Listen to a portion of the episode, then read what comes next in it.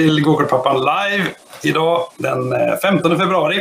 Eh, idag ska vi träffa Stefan Karlqvist eh, som jag skulle säga är en eldsjäl som varit med och tillsammans med ett gäng andra människor kan vi säga räddat eh, Järfällabanan. Och eh, innan vi drar igång så som vanligt tänkte jag bara ge lite kort information till alla ni som tittar eh, eller vill ställa frågor. Eh, vi sänder på lite olika kanaler men ni kan alltid skriva i chatten och ställa frågor direkt. Eh, vi vill som vanligt tacka olika sponsorer. Eh, som vanligt för Zero Racing, Perssons uthyrning och försäljning, Gillaholm, väldigt fina släp och Audiosafe som gör väldigt fina formgjutna hörselskydd för bland annat racing. Eh, idag befinner vi oss i Sollentuna. Stämmer det Stefan? Nej. Vi, eh, just nu sitter jag i Täby, men det är ett stenkast ifrån.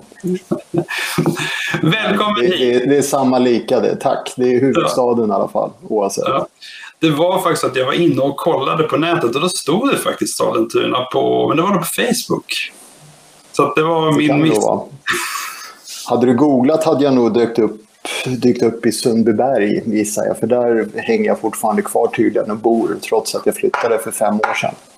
Ja, ja. Just nu är vi i Täby, så det är 20 minuter ifrån Järfälla gokartbana. Ja, ja, det är bra. Vi ska, vi ska kolla lite på kartan. Det, jag bara har ju, brukar visa den här kartan. Vi, vi, vi nu är vi liksom i, i, eh, området här eh, kring Stockholm, strax norr om Stockholm kanske vi ska säga då. Så att alla vet.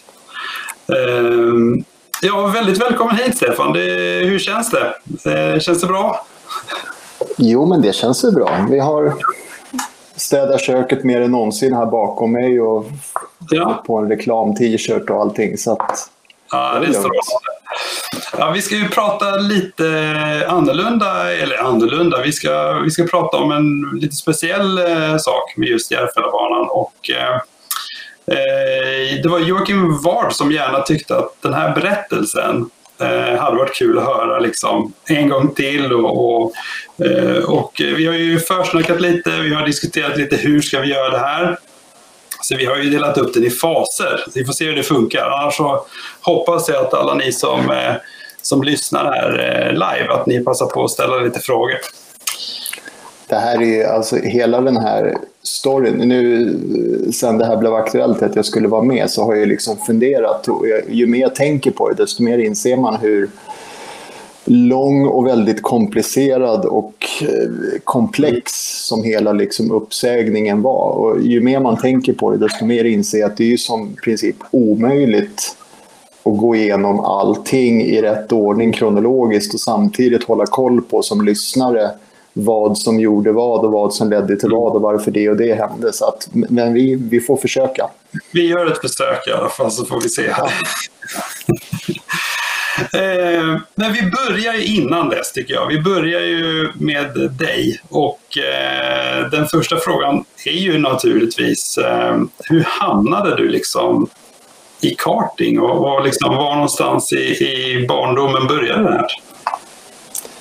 Eh, jag hade ju egentligen inget motorsportintresse alls som liten. Mm. Jag är i och för sig uppväxt i en familj där alla mina morbröder körde motocross och min pappa mm. körde rally i skogen. Mm. Eh, ungefär där jag var från nyfödd fram till fem år så var väl alla igång som mest. Men jag hade ingen intresse. Jag hade en BMX med fjädring som jag fick som skulle vara som en crosshoj och det var väl det som blev för mig. Men sen senare så blev det fotboll, hockey och tennis och precis allt annat till min, tror jag, pappas eh, lite eh, stora besvikelse. Han, han, försökte där när jag var 11-12 och köpte moppe och försökte få mig liksom lite så här, ska vi gå ut och mecka? Och jag var eh, noll intresserad så att, ja, det var egentligen först min pappa köpte väl i något slags försök där, tror jag, av en bekant en go-kart för 500 kronor av en bekant. Mm. Och den stod i vårt garage i många år. Vi gjorde väl något tappert försök och fick igång den här på gatan vid något tillfälle, men det var liksom det det blev. Eh, mm. Sen öppnade det en inomhus gokarthall ett stenkast från där vi bodde. Och det var ju liksom den första inomhushallen i Sverige. Så vi mm. som inte förstod riktigt hur det här med inomhus gokart funkar, vi lastade in våran 500 kronors gokart, mm. åkte till gokarthallen, konka upp den för trapporna och så kom vi in där i gokarthallen och de som jobbar där, de kom väl fram och undrade vad vi kom släpandes på. Eh, och så stod de och tittade lite på den här gokarten och vi förklarade att liksom, ja, vi hade tänkt om man kunde provköra eller liksom, hur funkar det här? Och en av killarna som kom fram där ställde sig och tittade väldigt noga på den här kartan. Och så här. Alltså den här är ju jättegammal. Ja, jo, det är, eller, vi hade ju ingen aning, men aha, hur, hur gammal tror du? Ja, men alltså, det är tidigt 70-tal. Och så började han titta lite noggrannare och det här är ju min gamla kart. Ja. Eh, jaha, det var som 17. Och så började vi diskutera lite och den personen i alla fall, nu kanske inte alla vet, men, men det var Hasse Zetterström. Mm -hmm. Som nu i, idag har varit nere och hämtat chassin hos Jocke Ward åt mig som är en av de viktigaste kugghjulen i Soda Motor. Okay. Eh, det var där det började. Han var med verkligen ifrån dag ett. Eh, så att, eh, ja, så började det. Ja, coolt. Och sen, ja vi kan säga, vi, vi, jag menar, sen har du ju Sen, det måste varit några steg innan du liksom, nu gick jag ju som vanligt in i Driver Database. Då hittar vi liksom eh, tävlingsresultat från 98 och vi konstaterar att National C, ICC, KZ2, alla de är i princip det är en växt, det är växlad kart. Så du måste ha haft något litet steg där från den där 500 kronors innan du hamnade. Ja, ja vi, vi, vi började, min, min karriär då började mm. faktiskt i den här inomhushallen. För det visade sig att den här familjen då, familjen Zetterström som drev inomhushallen, de skötte även en klubb som hette Sollentuna bilklubb då, som egentligen rakt igenom var en, rally, eller en, en rally och gokartklubb, men egentligen bara aktiva gokartåkare. Mm. Och då hade de inomhusträning för, hur många var vi? Kanske fem, tio stycken gokartåkare. Vi tränade inomhus på vintern. Och det var, var ganska var, låg. Var låg den här Den låg i Sollentuna. I Sollentuna. Ja. Mm. Eh, så att Eh, vi låg och tränade där varje tror jag, söndag morgon fram till mm. de öppnade hyrkarten. Och det var ganska lågt takhöjd så att det var lagom dimma när vi var klara inne i hallen. Eh, och då körde jag med den här 500 kronors och så tyckte min pappa liksom att han verkar ju faktiskt tycka det här är kul. Så att blixtsnabbt så fanns det en ny eh, Formel Yamaha-kart hemma. Det var en klass som var en en budgetenhetsklass som var ganska stor på den tiden. Alla hade samma kart, samma motor, hårda däck. Inga regndäck hade vi i den klassen. Man fick inte ha regndäck. Så han köpte en sån. Så på min 15-årsdag körde jag min första tävling uppe i Hedemora. Nej, Bålänge. Bålänge var det. Mm. Sen körde jag den Yamaha-klassen ett år. År nummer två så blev jag insparkad av Hasse och hans familj till att köra SM i klassen som hette Formel A. Mm. Och det var liksom den klassen som låg på i helt andra änden av skalan. Istället för att det var hårda däck, ganska klen motor, så i Formel A så var det många, många, många fler hästkrafter och väldigt mycket grepp. Mm. Så jag körde SM året efter, 96, mm. Eh, och blev 11 tror jag. Och sen 90, nej, 95 var SM och 96 då började jag köra KZ. Mm. Då var jag så stolt för då hade jag jobbat av en KZ-kart, eller National C-kart som det hette då, i gokarthallen under vintern. Mm. Och sen körde jag KZ i 12 år. Mm. Och när vi bara kommenterar mycket grepp. Alltså när vi säger mycket grepp så menar vi mycket grepp. Eller? Hasse har sagt, ja, det, man kan säga så här att det, det, är så mycket fäste så att du kan åka på två hjul när mm. du vill. I Kristianstad då som SM gick, eh, 95. Så banslingan då var helt annorlunda mot vad den är idag. Men kurvan ut på start och målrakan, eller nuvarande start och mål, den var likadan. Och det är en liten svacka med en vall i ytterkant. Och var man lite slarvig in i den, då gick man upp på två hjul ganska lätt. Och då blev det per automatik att man rattade emot för att inte tippa över. Och då åkte man rakt in i vallen i princip. Och det jag åkte nog inte rakt in i vallen, men jag var väldigt nära flera gånger. För det var en väldigt svår kurva att ta. Och när vi var där sen många år senare med teamet så klagade många att det var väldigt mycket fäste. Och då åkte vi Rotax med Mojo D2-däck.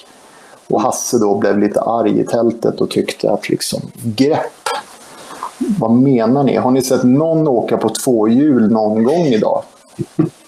Nej, sa alla. Nej, då är det inte grepp i banan. Alltså, så så att det, det var något helt annat än vad vi ja. kan idag. Tyvärr har ju förbundet gått mer och mer internationella förbundet mot att det ska vara hårdare däck för att det ska, mm.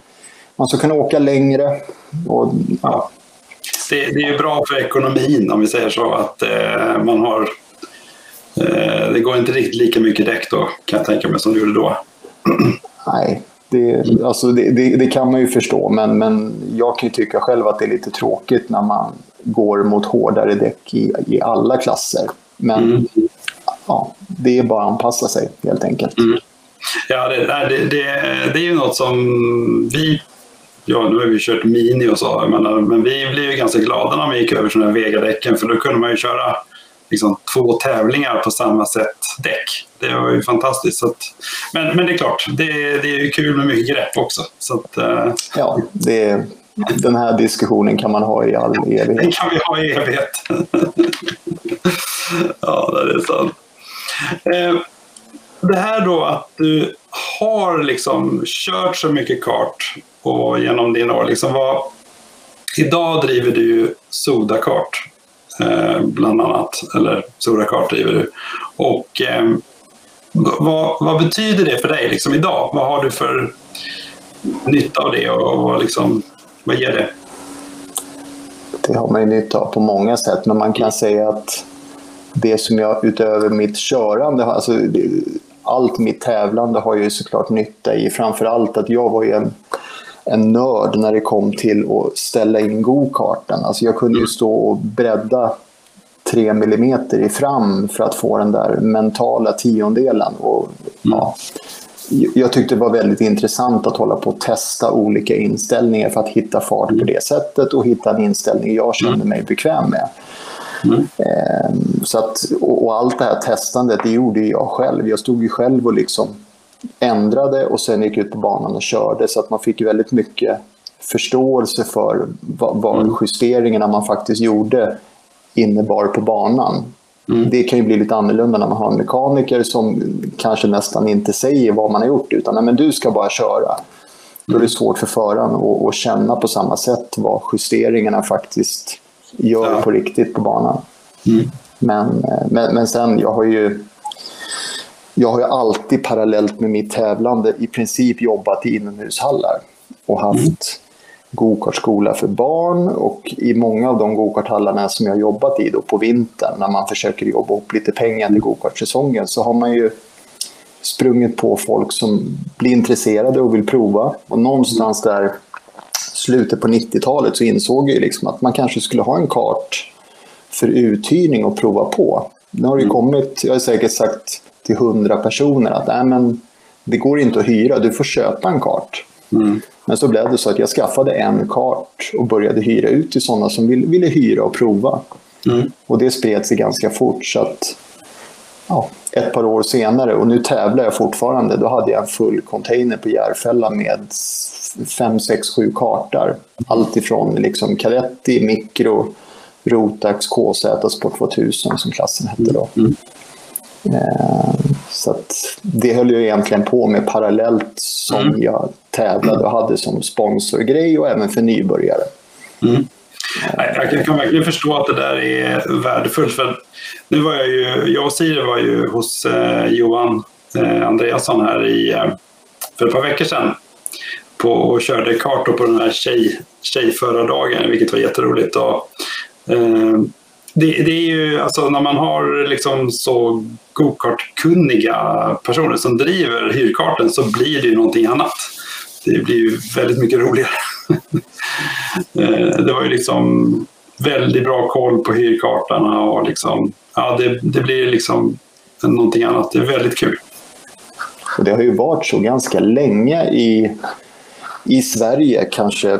Jag vet inte hur det ser ut i många andra länder, men, det känns som att på, på många hyrkartställen i Sverige, där många egentligen börjar med sitt mm. tävlande, även om det bara är ett, ett insteg, så är det ju det är inte ofta som det är faktiskt gokartfolk som driver ett uthyrningsställe, utan ofta så är det en glad entreprenör som, som har lite kartor och ett liksom, mm.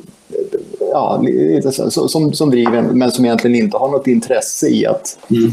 Guida folk vidare in i gokartsporten, utan de, de driver hyrkart och så var med det. Så att det konceptet vi hade när jag jobbade i, i gokarthallen hos familjen Zetterström då, som både hade gokarthall, klubb och hade lite gokartförsäljning. Mm. Det förstod man ju inte då, men nu idag så kan man ju se vilken liksom perfekt skjuts det var in i sporten. För då hade vi, mm. vi hade gokartskola varje helg hela vintern.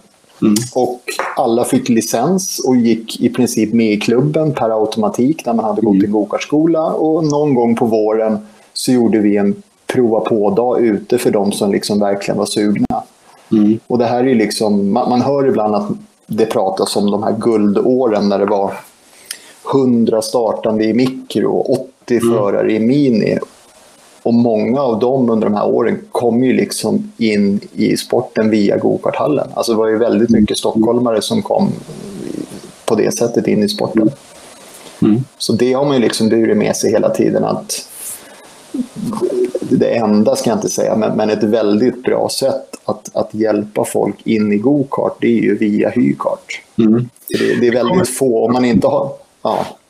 Vi, vi kommer tillbaka till det just, eh, för det är faktiskt ett väldigt intressant eh, ämne och det är jag helt säker på att det diskuteras väldigt mycket ute i klubbar runt om i landet. Eh, hur det här samarbetet med hyrkarten och det funkar och hur man vill ha det och så. Men vi kommer tillbaka till den frågan faktiskt. I vilken fall som helst, så, så idag driver du uh, Sodakart. Och uh, du vet, vi försnackade ju lite som eh, vi alltid gör i Gokartpappan. och eh, jag vet en av de sakerna som du berättade för mig från första början var ju det här gigantiska tältet som ni har haft. Som jag har faktiskt kollat på nätet också. Det var ju, det var ju mer som en som ett slott såg det ut som på bilden. Men eh, ni hade ett väldigt stort tält innan. Hur, hur, hur, var startade det där? Började det med jättetältet eller nej, det gjorde det inte? Nej, eh, vi var noga med att ställa väldigt små bilar bredvid tältet för att det skulle se större ut. Eh, allting började i, om vi ska ta det verkligen ifrån början, om man säger mm. gokarthandlarkarriär, så är det lite kul för idag eh, Joakim Wards fru Rosmarie, hon blev lite nostalgisk så hon lyckades gräva fram och hitta det första mejlet som jag skickade till Vard Racing. Okej. Okay. Eh, och, och, och, när jag väl fick se det så minns jag, det var någon gång våren 2007 när jag precis skulle inleda det som då skulle bli min sista, sista säsong i KZ som det hette då. Mm. Jag hade skrivit i alla fall i mejlet att hej, jag heter Stefan och jag håller på och försöker hjälpa folk in i gokartsporten här i Stockholm. Jag har samarbete med Radne Motor och med Forsman Motor och med lite, jag skulle jättegärna etablera ett samarbete med er för jag försöker hjälpa nybörjare att köpa kartor och mm. någonting sånt. Och det roliga var att vi kom fram till att eh, varken Jocke eller Rosmarie svarade på det mejlet. Oklart varför, men, men ja. Jag, vet, jag, vet, inte om det kanske inte var till fördel att jag var 08. Det, det vet jag inte. Det får Rosmarie svara på. Ja. Men det mejlet skickades och sen var det inte mer med det. Men sen det året så körde vi tre stycken SM-deltävlingar. Det var uppdelat på tre race. Mm. Och det måste ha varit den andra deltävlingen körde vi på en bana i Svenstavik, Bergs MK mitt mm. uppe i skogarna någonstans. Eh, och av en ren slump där, jag hade liksom aldrig pratat med, ja precis Rosmarie. Ja, det tycker jag är roligt. ja. Eh, och av en ren slump, så jag stod och pratade med en kille som jag hade många bataljer med som heter Mattias Berg. Mm. Han körde för Vard Racing, så vi stod och snackade någonstans där, om det var vid korvkiosken eller vid tältet, jag minns inte riktigt. Men, men då anslöt Jocke Vard i alla fall och började prata lite med oss. Och jag hade egentligen aldrig pratat med Jocke, men mm. jag visste väl vem han var och han visste vem jag var. Så vi stod och pratade lite. Och, och då var det precis klart, har jag för mig, att jag kunde återigen inte bli bättre än tvåa på SM. Jag har ganska många eh, andra platser. Och så skrattade vi lite åt det och så frågade Jocke om jag skulle göra ett nytt försök och vinna liksom SM. Och då berättade jag för Joakim att det här förmodligen var min sista säsong för jag hade råkat berätta för min då blivande fru hur mycket gokart Oj! nu fick vi ett eh, lite tekniskt eh, problem här. Eh, nu ska vi se, nu ska vi nu ska vi, är med, vi är tillbaks igen. Det kan vara min dator som krånglar, jag vet faktiskt inte. det är lugnt. Det var hur, långt, hur långt hörde ni? Ja, men det, är bara, det är bara några sekunder var borta, så att, uh, du får berätta. Ja. Nej, men jag hade råkat berätta hemma hur mycket gokart kostar att hålla på med. Så att, lite skämtsamt så sa jag väl att det är väl dags att bli vuxen nu, för då, det här var 2007. Jag var alltså 28 bast. Mm och hela livet kretsade kring gokart. Och då frågade Joakim vad jag skulle göra då när jag inte ska tävla. Och jag sa någonting med gokart, det är typ det jag kan. Mm. Alltså, jag, jag, vet inte riktigt. Mm. Eh, och Jocke hade väl någonstans det här mejlet han berättat senare, det här mejlet i bakhuvudet. Så han frågade lite snabbt om jag ville sälja Tony Kart i Stockholm. Mm. Absolut. Mm. Det låter väl jättespännande, det kan vi ju kika på. Mm. Och ett halvår senare så Okej, okay. vi, vi tror att eh, det var det här med kostnader. Vi, vi, vi bröt den diskussionen lite snabbt. Aha. För det var precis när du, när, du skulle, när du skulle avslöja hur mycket gokarten kostade som det blev en... Eh, det, ja, men, men det, var, det var inte så att du skulle hämta en eh, semla i kylen som eh, Johan tror. Nej, förlåt. Kör du på. Eh, nej, men ett halvår efter vi hade det här samtalet så kom det upp en lastbil med Tony Kart-grejer till Stockholm i alla fall. Och då är vi någonstans i kanske december 2007 och i april, några månader senare, då fick jag säga upp mig från andra jobbet. Och sen dess har jag bara jobbat med gokart. Mm. Så att på den vägen är det. Och till en början så var jag egentligen bara, jag hade en butik och jag höll igång såklart min uthyrning och prova på. Det var ganska naturligt, mm. fast då såklart med Tony Kart där på Järfälla. Mm. Och när jag började på Järfälla som liksom blev hemmabanan, även fast jag inte hade butiken där, så var det ju liksom, var det 20 karta där så var det en Tony Kart. Så att det var liksom, och jag tror några år senare så var det i alla fall hälften hälften som åkte Tony Kart. Så att det, det rasslade iväg fort och blev många som började köra. Det är mm. jättekul. Eh, men om vi ska komma fram till det här tältet så började det faktiskt med ett betydligt mindre tält. För jag insåg ganska snart när jag hade varit ute på lite tävlingar att det går ju liksom inte att leva på att kränga kedjespray och något mm. sätt däck. Och då ringde det en gokartpappa. Det här har inte jag berättat för honom, men det ringde en gokartpappa till mig uppifrån Sundsvall som heter Lars Lundahl. Och han hade en mm. son som skulle köra Rotax och han frågade om jag hade team. Och då sa jag snabbt att absolut, det har vi. Och samtalet efter så ringde jag till Jocke och köpte ett tält utav honom. Mm. Eh, och det var ett tält som man kunde stå fyra förare i och det tältet var fullbokat hela den sommaren. Så till året efter köpte vi tält nummer två. Mm. Och nu börjar vi närma oss när det blev lastbil och lastbilstält. För att år tre när jag drev teamet så svängde jag glad i hågen in på en sån här station där man kan väga sitt ekipage med bussen. För jag tänkte så här, undrar hur mycket det väger. Det är ändå två tält och lite bänkar och tre gokartar. Och så vi... Och så stod jag och tittade länge och tänkte så här, 5,2. Alltså 5,2 ton, hur mycket får det här väga? Så jag ringde tror jag till Jocke och frågade så här, hur mycket får en sån här buss väga? Då insåg jag ganska snart att jag måste ta lastbilskort och köpa lastbil. Så att jag köpte en lastbil och pluggade körkortsteorin ihop med Stig och Ronny Lundströmer på flyget på väg till eh, någon tävling i Salbris tror jag där jag skulle mecka. Mm. Och sen tog jag lastbilskort, eh, köpte lastbil och så åkte vi ner till Göteborgs Stora Pris, det första vi gjorde. Mm. Och året därpå, då började vi liksom att skissa. För jag har ju hela tiden fram till nu så är jag i princip själv ute på racen. Det är jag som sätter upp tälten och med lite tur är det någon som hjälper mig.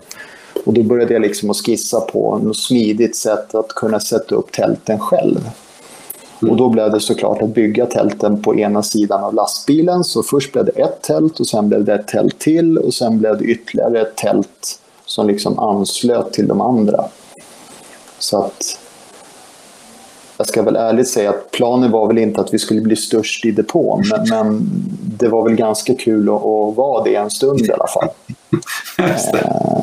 Så att vissa banor man kom till så var det väl inte till fördel att alla blev imponerade när det kom en, en eh, snackpåse till 08 och satte upp liksom två stora lastbilstält. Det, jag känner igen det där som Jocke berättade, att det, det, blev lite så här...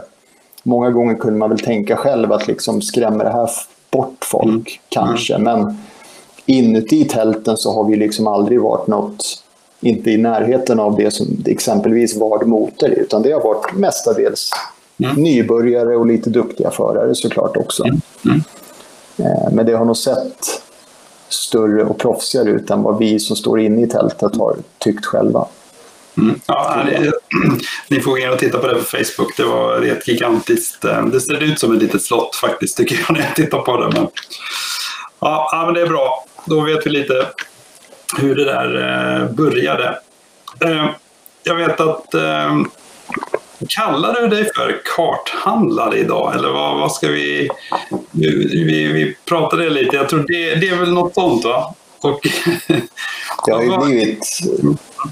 Min, min, pappa sa vid något tillfälle att liksom, försök att fokusera på en sak och göra det bra. Men jag, jag har liksom aldrig lyckats det har alltid varit att man håller på med lite hyrkartrace och så lite tävlingskartuthyrning och så skulle man mm. vara mekaniker samtidigt. Och sen inser man ju liksom med tiden att ska jag ändå vara karthandlare och dessutom hyra ut tävlingskartar, ja men det är ju naturligt att det är mycket nybörjare som behöver hjälp på tävlingarna. Så det är klart mm. att vi ska erbjuda en serviceplats för de som är nya och vill ha hjälp på tävling. Mm. Och sen har man liksom utökat sortimentet vart eftersom att det kommer in alla möjliga kunder. Alltifrån sådana som vill ha det bästa till de som vill ha det billigaste. Mm. Så, eh, men, men jag kallar mig fortfarande för gokarthandlare. Det är liksom egentligen själva stommen. Mm. Eller det vi började med i alla fall. Men mm. det har ju blivit en massa annat med årens gång. Mm. Eh. Vad, vad, vad, gör man då? Hur liksom ser en, eh, en vardag ut för en karthandlare idag? Eh, det har ju ändrats. Alltså, de åren på slutet när jag liksom egentligen jobbade mest själv så var det ju liksom fullt spett. Alltså, det var gokart hela tiden. Min, min kära fru hittade någon gammal almanacka från 2010 eller 11 och jag tror jag var borta. Då var jag ute på både MKR, Rotax Challenge-serien och flera stora andra race och Norrlandskuppen. Mm. För de åren fanns det ingen riktig karthandlare uppe i Norrland och jag hade mycket norrländska kunder så att jag var uppe på Norrlandskuppen också. Och jag har all respekt för att de har väldigt långt att åka när de ska mm. ner till oss, för det var väldigt långa resor, men, men det var okej. Okay. Men, men det, var, det var liksom, det var 35 till 40 helger som jag var borta på gokarttävling där under ett par år. Eh, men hur vardagen ser ut idag sen vi fick, sen vi fick barn i familjen så har ju liksom mm. vardagen blivit något helt annat när man måste tänka på annat än just gokart. Men i princip all vaken tid så tänker man gokart när man inte mm. har liksom familjen i knät kan man säga. Mm. Sen har jag alltid fått frågan, liksom, vad, vad gör du på vintern, Stefan? Alltså, vad Mm. gör ni på vinterhalvåret? Det, det är den vanligaste frågan. Och det är egentligen, jag ska inte säga att det är full fart, utan då går man väl ner i något slags lagom vanligt tempo. Men sen har man ju lärt sig med åren att man måste vara disciplinerad. För Mm. mars månad kommer fort. Alltså det är som nu. Nu är det en månad kvar till alla ska igång. Mm. Och då ska liksom hyllorna ska vara fulla, det ska vara ordning på bussar och bilar och Mm. allt. Hemsidor och allt ska vara i ordning och information ska skickas ut till alla. Så att Mm. det finns att göra. Mm. Så det är egentligen i, i mars någonstans, det är då det liksom, då drar det igång på eh, fullt ös. Och det gäller ju egentligen att för, om, om man säger när säsongen är slut där kring oktober, då brukar det normalt sett ta en månad att reda ut all ekonomi, kan vi kalla det för. Ehm, så att alla är nöjda och glada och allt är clearat. Och sen egentligen i december, då är det semestermånad. Då försöker man ta det lite lugnt. Men sen i januari, då är det bara att börja förbereda sig. För att i, i februari så ska allting beställas hem. Så att man vet att man klarar sig fram till tävlingspremiären och har det mesta hemma. För att gokartfolk i allmänhet har inte så himla bra framförhållning. Säger du det alltså? Och man, det, det gäller ju liksom bara att, att höfta lagom. Hur mycket kartar behöver vi? För det är ingen som ringer och säger jag vill ha en go-kart om sex veckor. Går det bra? Utan alla kommer på att nu är ju banan torr. Nu ska vi ut och köra. Eh, så att, eh, och, ja, apropå det, det är, vi, vi sa det skämtsamt någon gång att de flesta sätten däck på tävling Mm. säljer vi mindre än 30 minuter innan de ska användas på en tidskörning. Det, 30 det, är- det, är- alltså, det, det är oftare folk kommer springandes med andan i liksom halsen och säger att de behöver ha ett set däck än att någon ringer tre dagar innan och säger jag kommer att hämta ett set däck så vi hinner kränga om det i tid innan tävlingen i helgen. Eh, Så att, men, men, det är ju delvis för att i, i go-kart så har vi ju alltid varit bortskämda med att det finns go-karthandlare på plats på tävlingar. Mm. Åker du vilken motorsport som helst, alltså åker du rally så står det ju inte en, en Volvo-trailer i slutet på sträckan och frågar vad behöver ni för någonting till nästa sträcka. Mm. Så att, ja. Nej, det, det är en fantastisk service. Det är det och jag menar det. Men det är klart, vi, vi Gokartpapper får kanske, vi kan ju säga till någon dag innan. Men, men eh, jag känner ju väldigt väl igen det. Och speciellt man kanske står på kvällen innan. Klockan är åtta, liksom, shit, det fattas ett lager eller någonting. Då är det bara sms. Har du, kan du ta med tills imorgon? Alltid. Alltid. Och, ofta så löser man alltså det. Men, men, men det är, när alla kommer på allting i sista minuten så kan det ibland bli lite krävande. Mm.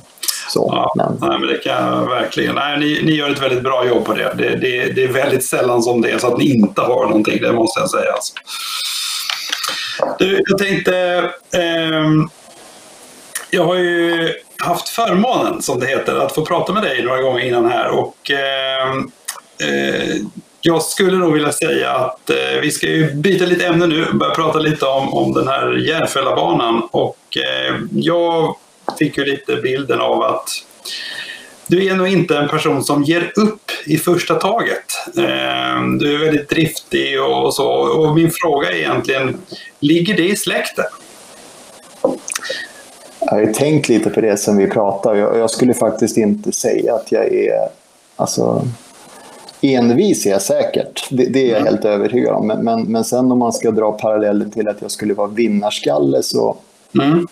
Ja, tveksamt. Och problemet är han som ligger här nere på bilden nu, han är ju liksom... Det, det, det finns ingen som är i närheten. Alltså har man en gnutta av det han hade så är det ju liksom för mycket. Och där är ju Håkan Karlqvist då. Karla Karlqvist som har vunnit, ja jag vet inte, det mesta man kan vinna va, på eh, motocross.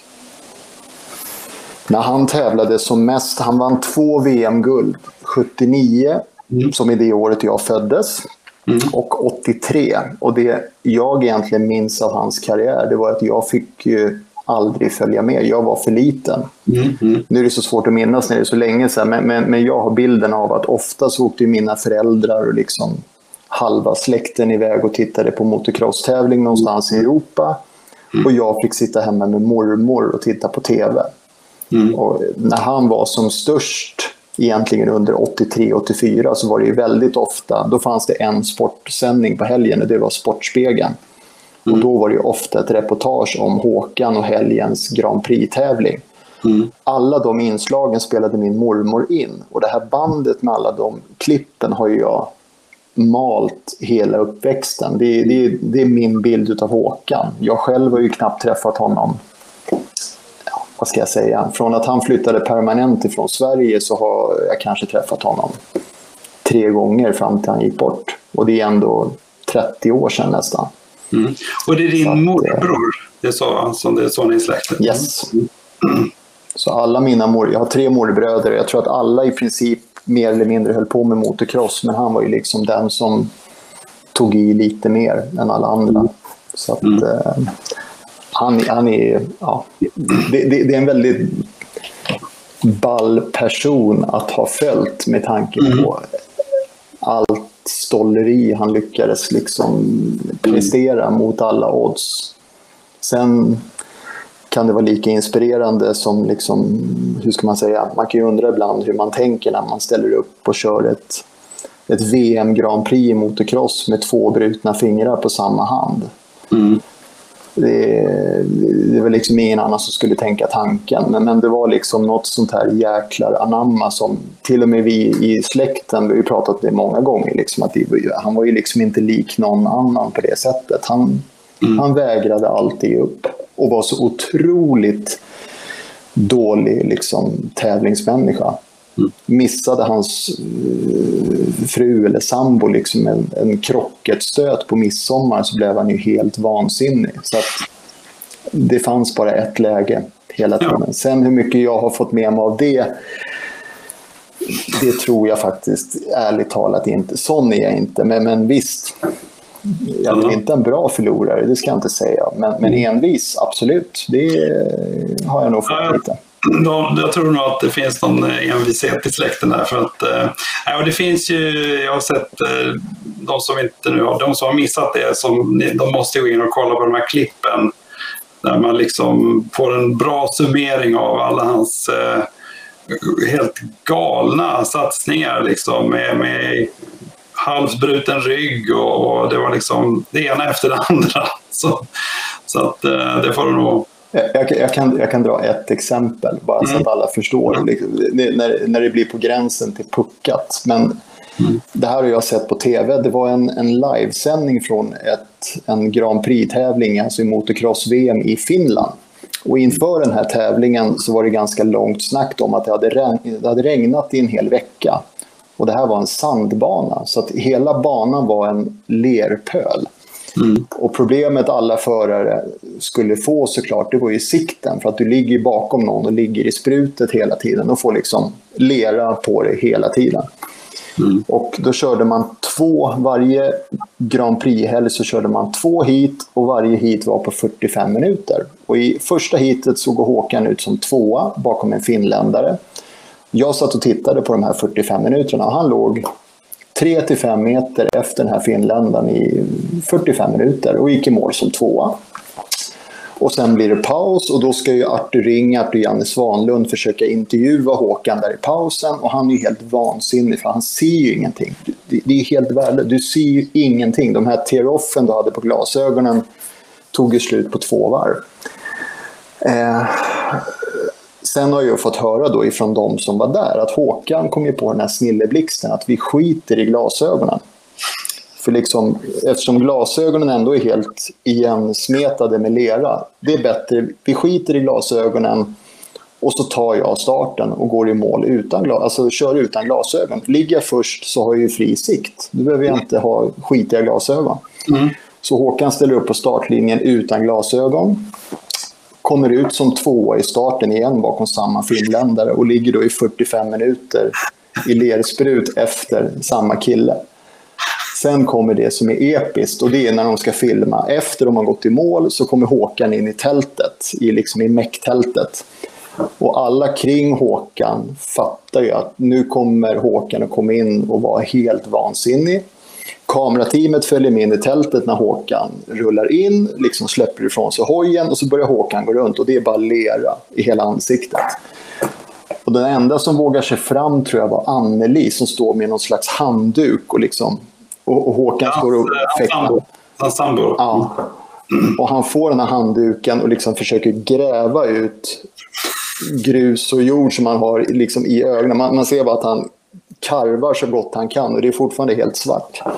Och mitt i när Håkan står och karvar allt han kan, då kommer jag tror att det var Janne Svanlund på TV-sporten. Han sticker fram en mikrofon till Håkan och, och frågar hur känns det Håkan? Och så tittar han upp och man ser liksom bara två rödsprängda ögonvitor och så tittar han rakt in i kameran och bara vad fan tror du din jävla idiot? Och sen bröt de blixtsnabbt och gick tillbaka till studion här för mig. Men det var liksom... Sån var han. Ja, ja. Ja, får, eh, de som vill kolla på det får kolla på det i efterhand. Eller de får kontakta dig. Ja, mycket spännande. Ehm, bra, ska vi eh, försöka ge oss på eh, det, dagens huvudtema? Eller vad säger du? Är vi redo för det? Det var ju det som Jocke tyckte, så då får jag väl... Det är väl bäst att göra det. Vi börjar med Järfälla gokartbana då. Jag kliver på på en gång. Eh, ja. Jag har ju kollat upp lite nu. Den byggdes 1982 är jag ganska säker på. 82-83 byggdes den. Och den egentligen i samma utförande fortfarande än idag som den var då. Det är mer mm. depåutrymmet som har förändrats lite, men, men det är ska jag säga, väldigt lite. Den är i princip likadan i utförandet som det var när den byggdes.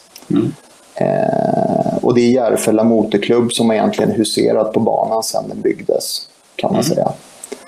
Eh, ska jag fortsätta berätta om allting? Ja, bara för de som nu undrar var det här ligger någonstans så kan vi på den här lilla bilden som ni kanske ser så ser ni Stockholm där och sen så nordväst upp så, så ligger då Järfällabanan. Och det här är i princip den närmsta banan för de som bor i, i Stockholmsområdet som är så att säga, godkänd för tävlingar och så. Ja, jag tror att bor du inne i Stockholm city så tar det 15-20 minuter till Järfällabanan beroende på köer och det tar 20-25 minuter att åka ut till Södertälje som är rakt söderut. Så att, mm. ja, men men det, Järfälla ligger i Stockholm till skillnad från mm. Södertälje. Så att, ja, det är Stockholms enda godkända bana för tävling. Ja. Mm. Och då har vi gjort så här, för att försöka få lite ordning i detta då, så sa vi att första fasen, fas 1, den kallar vi för inledningen till detta. Vad händer då? Ja, jo, jag pratade faktiskt med gamla ordföranden i klubben och dubbelkollade så att jag inte hade liksom missat. Men som jag förstod det så, jag, man är ju så dålig på att komma ihåg årtal, men jag flyttade eller byggde butik på Järfälla gokartbana 2014, tror mm. jag. Och i samband, precis året innan, så hade klubben efter många års arbete lyckats få igenom tillstånd och bygglov för att bygga ut banan och göra liksom en internationell standard på anläggningen, eller slingan.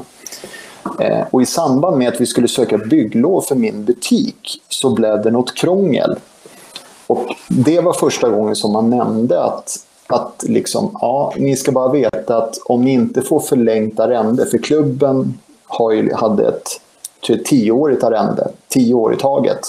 Mm. Och i samband med att vi sökte bygglov för den här butiken, då, då kom det upp en liten sån där grej att blir ni uppsagda så kommer vi skriva in att butiken ska tas bort. Och därifrån så började liksom oron lite grann. Vad menar de nu? Och något år senare, då fick vi klart för oss att vi skulle inte få förlängt kontrakt, utan då var det kanske två eller tre år kvar på, eller två år kvar på kontraktet. Och de mm. som hade marken avsåg inte att förlänga det. Mm. Jag, jag, kollade, den här, artikeln, den här lilla tidningsartikeln här som heter Gokartbanan stängs nästa år, den, den eh, hittade jag 2015. Så det kan ju stämma då att, att 2016 skulle då arrendet gå ut. Mm. Precis, 2016 skulle arrendet gå ut och sen fick vi tror jag uppskov ett år. Jag minns faktiskt inte varför, men det blev förlängt ett år till. Mm. Så att, men vi var ju liksom uppsagda att den 31 december 2017, då ska vi vara utflyttade. Mm. Och sen och just den här delen var egentligen inte jag så involverad i eftersom klubben jobbade stenhårt. Mm.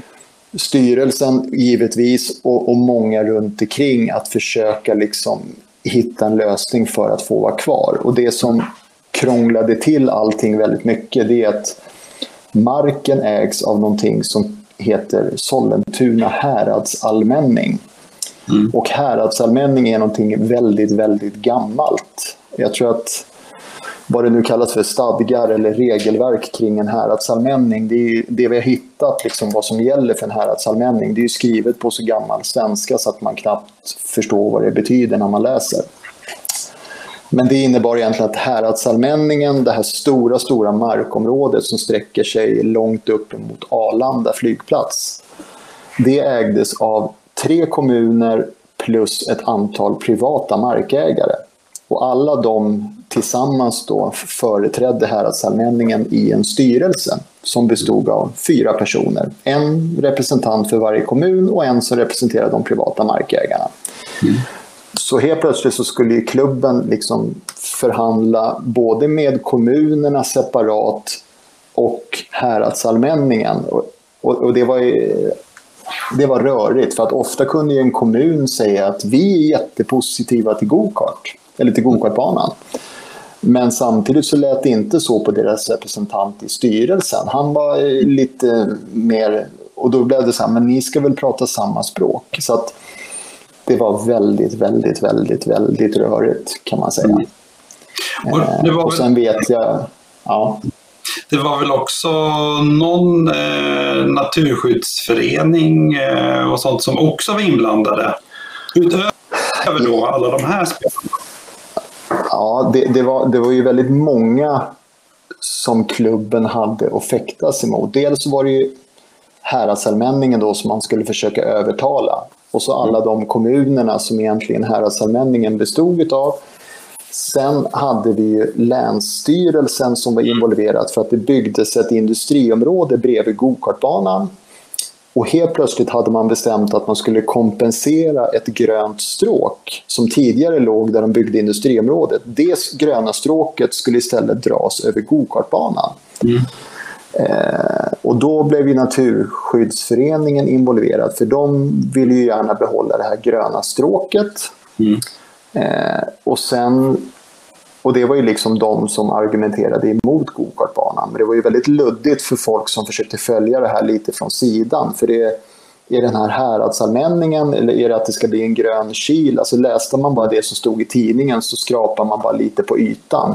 Mm. Och de som är involverade höll ju samtidigt på att försöka driva en, en rättslig process emot markägaren eftersom uppsägningen egentligen stred mot gällande regler. Så det, det, var många spår och mycket som den här stackars klubben skulle parera samtidigt. Mm. Och sen involverades, för att liksom samtidigt då jobba lite lösningsorienterat, så försökte ju bland annat då gamla ordföranden i klubben Göran Åsén ihop med Stockholmsidrotten och Stockholms bilsportförbund driva igenom en lösning där Järfälla gokartbana skulle bli en regional bana eller en regional lösning. Att Stockholmskommunerna gemensamt eh, bekosta Järfälla gokartbana som Stockholms gokartbana och få mm. Och helt plötsligt var det ännu fler kommuner involverat. Fast mm. då var det ju snarare lösningen. Så att det, det, var väldigt rörigt för den här stackars mm. lilla ideella föreningen som, som knappt visste vart de skulle börja någonstans. Mm. Mm. Kan man säga. Mm. Eh, sen dök jag upp och några till i typ november, har jag för mig. Alltså, vi är uppsagda och ska vara ute 31 december. Och i november är jag med på ett möte där vi försöker ha någon slags avstämning. Så här, hur ligger vi till? Hur ser mm. liksom prognosen ut? Och då hade vi en massa då politiker och engagerade. Det var ju jättemycket folk som var med och hjälpte till. Men mm. det fanns ju en massa olika spår igång där det kan bli en lösning och det kan bli en lösning och det kan bli en lösning. Och han har sagt att det där kan bli en lösning. Men till slut så satt vi där och liksom med rent krast. Alltså, ser, ser oddsen bra ut? Det är två månader kvar. Nej, det blev ju liksom Nej, alltså det, det, det, stämningen i rummet var liksom när vi verkligen satt och tänkte igenom att det ser ju ganska mörkt ut. Mm. Mm. Och kort efter det mötet så började det här arbetet som klubben drev, det pågick ju hela tiden.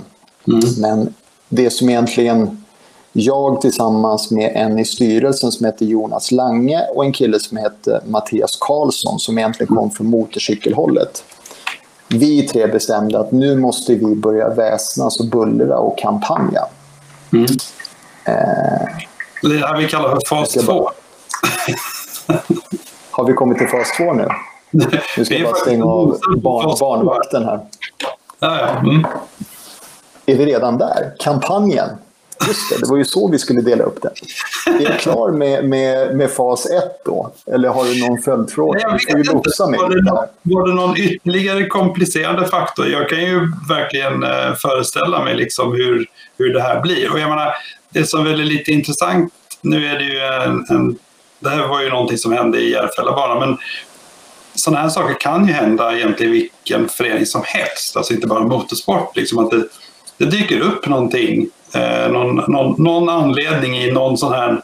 Det, det, är en komplicerad ägarbild. Vem äger vem på mark, eh, marken? Och, och, och jag vet, du menar, du berättar ju också det här med alltså, att ha den här dialogen med politiker. Politiker är ju i vissa fall väldigt intresserade av att hjälpa till, men det innebär ju inte att, att de faktiskt driver den frågan i mål. Och det var ju väldigt ofta oppositionspartier, eller hur ska jag säga, såklart, men, men, men de som, som, som tyckte att det här var för jäkligt var ju ofta oppositionspartier och de kan ju stå och väsnas och bullra hur mycket de vill på kommunfullmäktige men det är inte de som bestämmer. Mm. Och, och stämningen generellt, det som var det största problemet, det var ju liksom att det kändes som att det, det allmänna intresset för gokartbanan var ju väldigt begränsat. Liksom en gokartbana. Mm. Alltså, Vadå, kan man tävla i gokart? Det var ju liksom folk på stan reaktionen. Liksom en gokartbana. Alltså, varför är det så viktigt? Ja. Och, och, man kan väl säga det att, att gokart är ju i, i, i, i, lite större sammanhang så även om vi tycker att det här är den det här är ju liksom sporten med stort S. Alltså alla borde hålla på med det här, men, men det är bara att konstatera att det är en relativt liten eh, idrott i, i Sverige-sammanhang.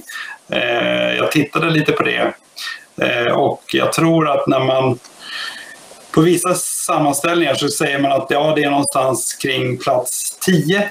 Men då räknar man in liksom all motorcykel, Eh, all rally, all folkrace. Eh, ja, det, det, det, är ganska mycket som räknas in i detta och då blir det typ tionde plats eller någonting. Så att jag menar, vi vet ju om att kartingen är ju bara en liten, liten del av det där. Så jag vet inte var vi ligger i, i plats 25 kanske. Det som, det som, bruk, Ja, det som brukar vara intressant vid sådana undersökningar, nu, nu klumpar man ihop liksom all motorsport, men det är ju att motorsport tror jag är den andra eller tredje populäraste tv-sporten för folk att titta på. Mm. Jag tror att vi till och med något år har legat liksom tvåa efter mm. fotboll. Men oftast brukar vi hamna på tredje, fjärde plats efter fotboll och hockey. Mm. Eh, men som sagt, då buntar man ihop ganska mycket motorsport. I, ja, så att, Mm. Men man kan säga att det här gör ju också att, jag menar, det är ju mycket annat som våra politiker och beslutsfattare har att tänka på. Så att eh, det är klart att den här lilla banan i, det här stora området och, och med så många inblandade. Det, det, det, krävs ju rätt mycket för att få lite prioritet på en sån sak. Och sen kan man ju säga att jag minns ju så väl när vi höll på liksom och jobbade att i och med att motståndaren var väldigt luddig. För ofta så nämndes det i tidningar när vi liksom försökte pusha ut det här i lokaltidningar och sånt. Att det är liksom Järfälla kommun. Och det kändes ju logiskt att Järfälla kommun, är det de som vill ha bort gokartbanan? Mm. Och det var ju både ja och nej. För i den här häradsallmänningen som egentligen ägde marken, där var det ju fyra kommuner. Men man tyckte ändå i häradsallmänningen att Järfällas röst i styrelsen vägde tungt. Så att mm. ju längre vi höll på och bråkade om banan så blev det mer och mer tydligt att den som egentligen var största motståndaren, det var Järfälla kommun. Mm. Även fast man utåt sett i media var väldigt noga med att vi är positiva till, till all föreningsverksamhet och alla sporter. Men vad man sa utåt sett i media, det var ju något helt annat än hur man agerade mm. i övrigt. Så att, så att vi fick egentligen kampanja hårt emot Järfälla kommun men samtidigt se till att behålla alla andra parters intresse och möjlighet att trycka på Järfälla.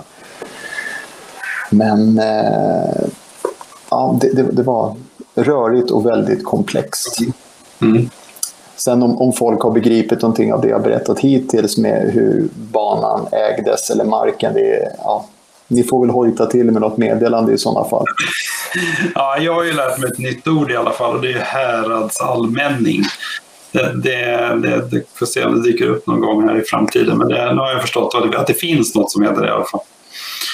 Men ni kom i alla fall till den där punkten att liksom ni sa det, prognoserna ser inte så bra ut. Ni får liksom göra något annat prova något nytt? Nej, jag minns ju bara liksom att vi, vi måste, någonstans så kom vi fram till att vi måste börja bullra. Och jag minns faktiskt inte hur just jag och Jonas Lange och Mattias Karlsson liksom började bullra tillsammans. Men det var väl ganska, ganska snabbt insåg vi att vi var väl inne lite grann på samma linje. Att liksom, vi ska inte släppa den här det här hårda jobbet som klubben la ner på att driva liksom saker mot kommunerna och delvis rättsligt. Men så här, vi måste få ut det här i media för de kommer lyckas mm. liksom, ducka undan och få undan banan lite snyggt och sen är det för sent. Mm. Och det ska ju tilläggas att precis i samma tidsperiod så stängdes ju Järva motocrossbana Mm. i princip på samma sätt. Jag minns inte om den stängde innan eller efter, men det var precis i samma tidsperiod som den bara liksom lades ner. Mm. En motocrossbana som har funnits sedan 60-talet. Mm. Eh, så det vi egentligen började med, vi började liksom att se till att uppmärksamma journalister att ni måste skriva i lokaltidningarna och uppmärksamma folk. Och så började vi att dela sådana här filmer på Facebook. Jag minns inte hur det kom till, men jag vet att den första filmen som gjordes, gjordes tror jag av eh, Maja Hallén Felenius. Mm. Hon gjorde den första filmen. Eh, och sen insåg vi liksom att det här är ett ganska bra grepp. Mm. Att liksom nyttja det här att go-kart är starten på motorsport. Ja, men då börjar man liksom att höja blicken. Så jag kontaktade alla jag känner. Man hörde av sig till eh, liksom, Mattias Ekström, Ted Björk, eh, Mikaela, alla man kunde få tag på. Och det, och det blev ju liksom, de här filmerna fick ju bra spridning. Mm. Och vi startade en Facebookgrupp som ganska snabbt fick en massa medlemmar. Men samtidigt insåg vi liksom att även om vi tyckte att vi syntes överallt på Facebook så var det så här, vi, vi, vi måste ju liksom nå ut till många fler. Mm. Och då ringde jag till eh, Thomas Berggren på Expressen. Och tyckte liksom lite så här, du måste ju skriva om det här i Expressen, om att politikerna vill ta bort liksom gokartbana för ungdomar. Och han kunde ju tyvärr inte skriva om det här i Expressen. Han sa det hur gärna jag än vill. Han hade följt det här nästan ifrån början. Hur, hur gärna jag än vill så kan jag inte ta upp det här i liksom Expressen. Det, det, är inte, det är en liten lokal gokartbana, hur tråkigt den må vara. Och så sa han, om inte Marcus Eriksson uttalar sig. Mm. Eh, för det sa han ju, att Marcus Eriksson som då körde i Sauber, jag menar, Skulle Marcus uttala sig, ja, då, då blir det intressant kanske. Hopp. Så jag satte igång och ringa stackars Marcus pappa febrilt och Marcus satt i simulator nere på Sauberfabriken. Jag vet inte, de hade något långtest för det var helt omöjligt att få tag på honom. Mm. Och jag ringde stackars Thomas många gånger så till, till slut så var jag nästan arg redan när han svarade. För under tiden då så hade Expressen hade ju häktat på det här när det gick rykte om att, för jag sa bara, jag fixar en film med Marcus, inga problem. Eh, och så fick Aftonbladet nys om det och jag minns inte om det var SVT eller DN, men det var tre tidningar som alla ringde och frågade. När, kommer filmen där Marcus ska uttala sig? Ja, men det, det, det är på gång. Det är på gång. Det är på gång. Ta det lugnt bara. Han... Och ingen fick tag på Marcus för han satt i simulator och tidningarna ringde och ringde och ringde. Och till slut kom vi fram liksom till en dag när de sa i princip allihop att fram till klockan 11, sen släpper vi det här. Mm. Vi har artiklarna ligger färdiga i princip om det här med gokartbanan och Marcus Eriksson, men, men har vi ingen film så... Mm. Och jag satt hela kvällen och jagade och ringde stackars Thomas och försökte få tag på alla som kunde få tag på Marcus. Men då fick jag i alla fall beskedet där precis samma kväll att Marcus fick tyvärr inte uttala sig. Mm. Mm. Eh, tyvärr. Och det var ju liksom inte hans fel, det var bara mm. Formel 1-kontrakt som gjorde honom mm. lite uppsåkad. Men eh, någonstans där precis innan klockan 11 så är det en fantastisk kille som heter Niklas Krigsman mm. som skickar ett sms. Det kommer snart en bra film, vänta lite. Mm. Eh, sen kom det, plingade till ett sms i min telefon och då kom ju den här filmen på Persbrandt. Eh, som då enligt ryktet har stått på ett rep någon, inne på någon teater i Stockholm, fått ett sms att han ska vara stand-in för Marcus Eriksson som inte går att få tag på. Så han kliver av scenen, sätter sig i bilen och drar järnet ut till Järfälla där han har ett garage med massor med motorcyklar. Mm. Och så spelar han in den här filmen och så skickar han iväg den. Och dagen efter det så var det på löpet om gokartbanan på Aftonbladet och några till. Det var lite så här. Eh, så det var ju liksom ett bra genombrott kan man säga. Mm. När det liksom blev tre gånger så stort på väldigt kort tid. Mm. Eh, och en jäkligt rolig historia. Ja, just när jag, förstod, när jag förstod vem det var. Liksom, en helskotta, det här är ju toppen. Och han hade tydligen blivit väldigt smickrad av att han skulle vara stand-in för Marcus Eriksson dessutom. Så mm. det, det hade underlättat lite. Mm. Så det, det, var jättekul. Men, men sen var det ju jättemånga andra som, som mm. drev på. Men, men just Persbrandt, det var ju liksom någonting mm. helt annat än ja, mestadels då racerstjärnor. Mm. Jag menar, jag förstår, han är ju motorintresserad. Han har ju väl, vad jag vet, väldigt mycket fina bilar och säkert fattade precis vad det handlar om.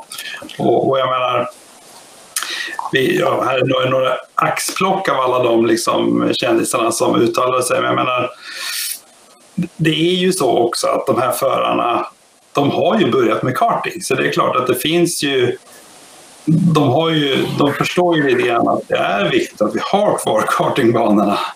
Vi, annars får vi inte de här stora kändisarna. Och, så det är liksom en... Eh, det är viktigt. Men nej, det var helt fantastiskt att eh, lyckades få, eller ni lyckades få så många liksom, och jag menar, det är klart att kommer en stor liksom, kändis som Mikael Persbrandt eller Jon Olsson som säger de här sakerna så då får du en helt annan spridning. Mm. Japp. Ja. Men, eh, men sen ska man ju säga att det här, det här löste ju egentligen inte problemet, men, men, men, det hjälpte till. För det som hände precis i samma veva, det var att Järfälla kommun då, som, som hela tiden var väldigt tydliga i media om att de gärna såg att gokartbanan var kvar, men inte gjorde så mycket för att hjälpa banan, snarare tvärtom. Mm. Vi lyckades med gemensamma krafter. Det var KK, Svenska Bilsportförbundet, Stockholms Bilsportförbund, Stockholmsidrotten, mm. Järfälla-klubbens styrelse. Det var hur mycket folk som helst som egentligen jobbade gemensamt för att få fram ett avtal som Järfälla kommun skulle acceptera. Mm. För de var hela tiden bromsklossen till att hitta en lösning. Vi är positiva, men det här måste till. Mm. Och allt det här hände ju liksom veckorna före jul där kanske folk inte står på tårna och vill liksom jobba hårt med en gokartbana. Eh, men vi fick i alla fall ihop eh, ett avtal precis enligt de önskemålen Järfälla hade presenterat. Mm, mm. Och så skickades det här avtalsförslaget över. Då bestämde, eller tyckte den dåvarande då, eh, ordförande i kommunfullmäktige att det var ju synd bara att det här avtalet kom en dag för sent. För vi har ju hela tiden varit tydliga med att det här måste vara löst senast den 18 december. Mm. Vi kunde inte hitta någonstans att just 18 december var någon brytpunkt. Men, men, han sa att vi hade ju gärna sett den här lösningen men vi har varit jättetydliga med att den 18 december måste det här vara i hamn. Så att nu har ju vi fått förslaget och det är ju liksom precis det vi har bett om. Men vi kan ju inte liksom ta hänsyn till det när det kommer den 19. Och den liksom totala ilskan ifrån alla som har jobbat med det här i många år. Alltså, men då räddade Mattias Karlsson dagen. För han begärde ut all mejltrafik mm. till den här personen som hävdade att det kom en dag för sent. Mm. Eh, begärde ut all mejltrafik och fick fram att han hade ju visst fått eh, mejlet den 18 och inte den 19 som han påstod. Mm.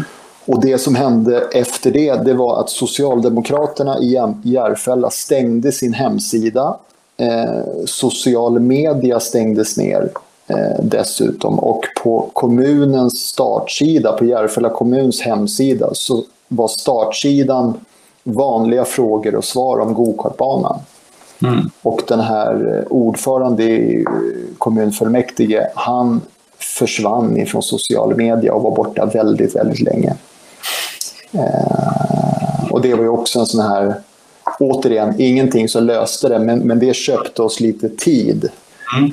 Så att helt plötsligt så eh, fick vi vara kvar efter årsskiftet. Det blev ett uppskov fram till först januari, februari och sen tror jag i februari, mars. Då eh, gjorde vi avtalet som gav oss möjlighet att vara kvar. Mm. Ja, det är, det är en fantastisk historia där. Eh, och, och jag menar, jag tycker eh, vi får ju säga också att väldigt många föreningar har väldigt mycket glädje av kommunernas arbete. De hjälper ju många föreningar så att jag menar, sen kan det alltid finnas enskilda individer som inte tänker riktigt så. Men eh, jag måste säga också att vi, vi är väldigt glada för alla kommuner som hjälper oss på olika sätt. Så vi vill liksom inte, det är inget annat vi säger. Nej, nej vi, vi, vi har haft många politiker till hjälp men Ja. Det, det, ja, det, tyvärr var det så att de politikerna som ville väl, de hade egentligen tyvärr i slutändan inte så mycket faktiskt att säga till om, mer än att faktiskt lyfta frågan. Nej, precis. Vi, fick, vi, fick, en fråga här faktiskt eh, från familjen Lovén som handlar just, eh, de frågar lite om, om, vi, om ni kommer att bygga ut till internationell standard framöver. Vi, eh, vill du säga någonting om det? Men... Alltså det, det har ju blivit i och med det som hände i samband med att vi fick förlängt kontrakt, eller klubben fick förlängt kontrakt, det var ju en liten blygsam höjning av arrendet. Mm. Eh, det höjdes eh, nästan sjufaldigt mot tidigare. Och det här låter helt galet, men, men när klubben skrev kontraktet så var arrendet på marken 2,5 miljoner per år. Mm. Och då tycker alla, men det går ju inte. Nej, men vi hade inget val än att skriva på, för samtidigt så jobbade man för att Stockholmskommunerna gemensamt skulle backa upp med så mycket pengar så att klubben mäktade med att vara kvar. Mm. Ehm, så att man kan väl säga att klubbens ekonomiska situation just nu är fortfarande ansträngd. Nu, nu, nu hankar vi oss fram tillsammans. Mm. Men, eh, men, men vi är helt beroende av att kommunerna fortsätter att, och stötta ekonomiskt. För att arrendet, det är vad det är. Det det är sju eller åtta år kvar. Men att i det här läget hoppas på att vi ska kunna bygga ut banan, ja, det har, vi, vi, vi kommer aldrig få ihop de pengarna själva utan då är vi helt beroende av att kommunerna själva skjuter till ytterligare i sådana mm. fall. Men, men, vi, vi hoppas såklart på det. Men det, mm. det, det känns tufft, tyvärr. Mm. Um, och, och det gjorde också en annan sak det här. Att um, ni fick ju klart för er att ni behöver bli en lite större klubb i samma veva. Tack och lov då. Ja, tack och lov. Så vi, vi som bullrade på sociala medier, vi, vi var ju väldigt duktiga på att formulera oss lite smart. Att, mm. Ungefär som att vi är Sveriges största viktiga ungdomsklubb för eh, liksom, motorsportande ungdomar. Mm. Eh, så när allting var liksom klart, när kommunerna hade liksom fördelat så att klubben hade råd att vara kvar, alla hade betalt varsin del av kakan av de som skulle vara med. Bland det sista som, som kommunerna fick se, det var ju den faktiska statistiken på hur många som körde gokart. Mm. Och det var ju inte någon munter syn. De hade ju förmodligen fått en helt annan bild av vad gokart är mm. än vad det, hur det såg ut i verkligheten. Så att jag var i kontakt med i alla fall två kommuner som, som i princip sa rakt ut att hade vi vetat att det inte var större än så här så är det tveksamt om vi hade tänkt, om vi hade ställt upp med pengar. Mm. Men det, det vi ganska snart insåg då när vi liksom, nu har vi kontraktet och vi har en ekonomisk lösning som sträcker sig över tre år, fram tills egentligen i år. Mm. Nu har vi tre år på oss att visa en positiv utveckling med fler medlemmar och fler som kör och fler aktiviteter och fler gokartskolor. Allting måste liksom bli mycket bättre, för klubben var ju liksom man kan väl säga att under de här två, tre åren som vi var uppsagda så, så klubben växte inte, det kunde inte göras några investeringar så att anläggningen var ju inte så jättemunter. Mm. Av en självklar anledning. Mm. Och sen att börja om ifrån början och med tom kassa, man har precis råd att vara kvar och så försöka tänka lite grann framåt. Mm. Och då blev ju diskussionen väldigt sådär, hur gör vi för att locka fler till gokartsporten? Mm. Eh, och jag hade då några år tidigare då flyttat dit och börjat driva hyrkartverksamheten på klubbens bana. Mm. Och vi hade ju såklart en av anledningarna till att vi fick flytta dit och driva hyrkart, det var ju helt enkelt för att vi, vi konstaterade att vi har ju samma intresse. Mm. I princip. Jag vill sälja gokartar och klubben vill ha medlemmar.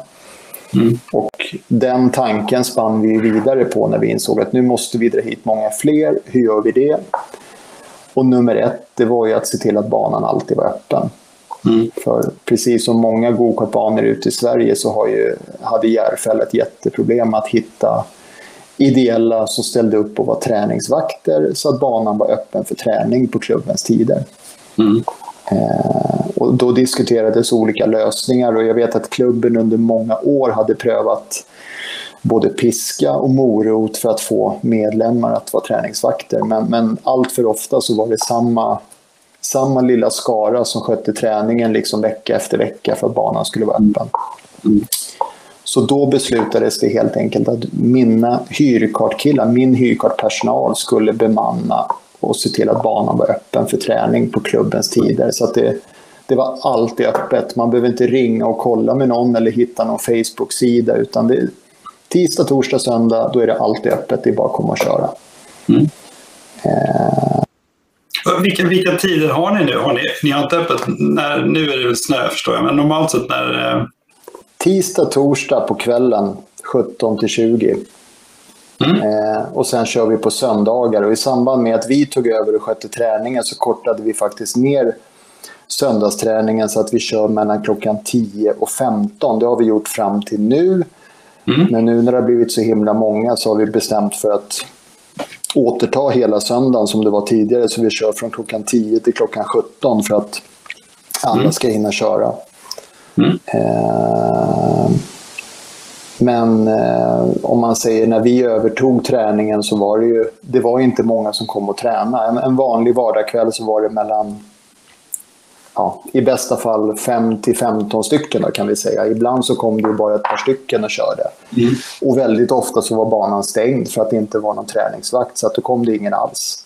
Och på söndagarna har det alltid varit ganska bra. Det kanske var mellan 10 och 20 stycken. Någon enstaka gång så var det lite fler än så. Men, men där någonstans låg det. Och nu, två, tre år senare, när banan liksom alltid har varit öppen och vi har ju tagit ifrån tårna för att locka dit så mycket hyrkartkunder som möjligt att komma och titta på träningen och prova tävlingskartor den verksamheten har vi då inte kunnat fortsätta med i och med att 2020 så var det sånt tryck på banan så att det var helt, alltså, vi vågade inte släppa ut nybörjare på banan under pågående träning. Det har varit jag såg någon statistik någonstans att vi har haft ett genomsnitt på 30 stycken varje träning.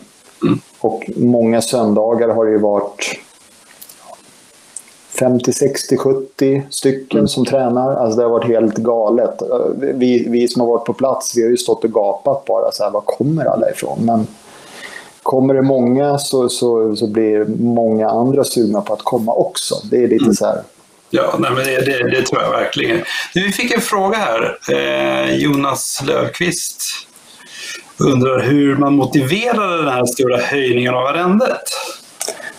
Eh, motiveringen nu, nu, ska man ju tänka på att det här var ju politiker som försökte lägga fram en, en rimlig förklaring varför en...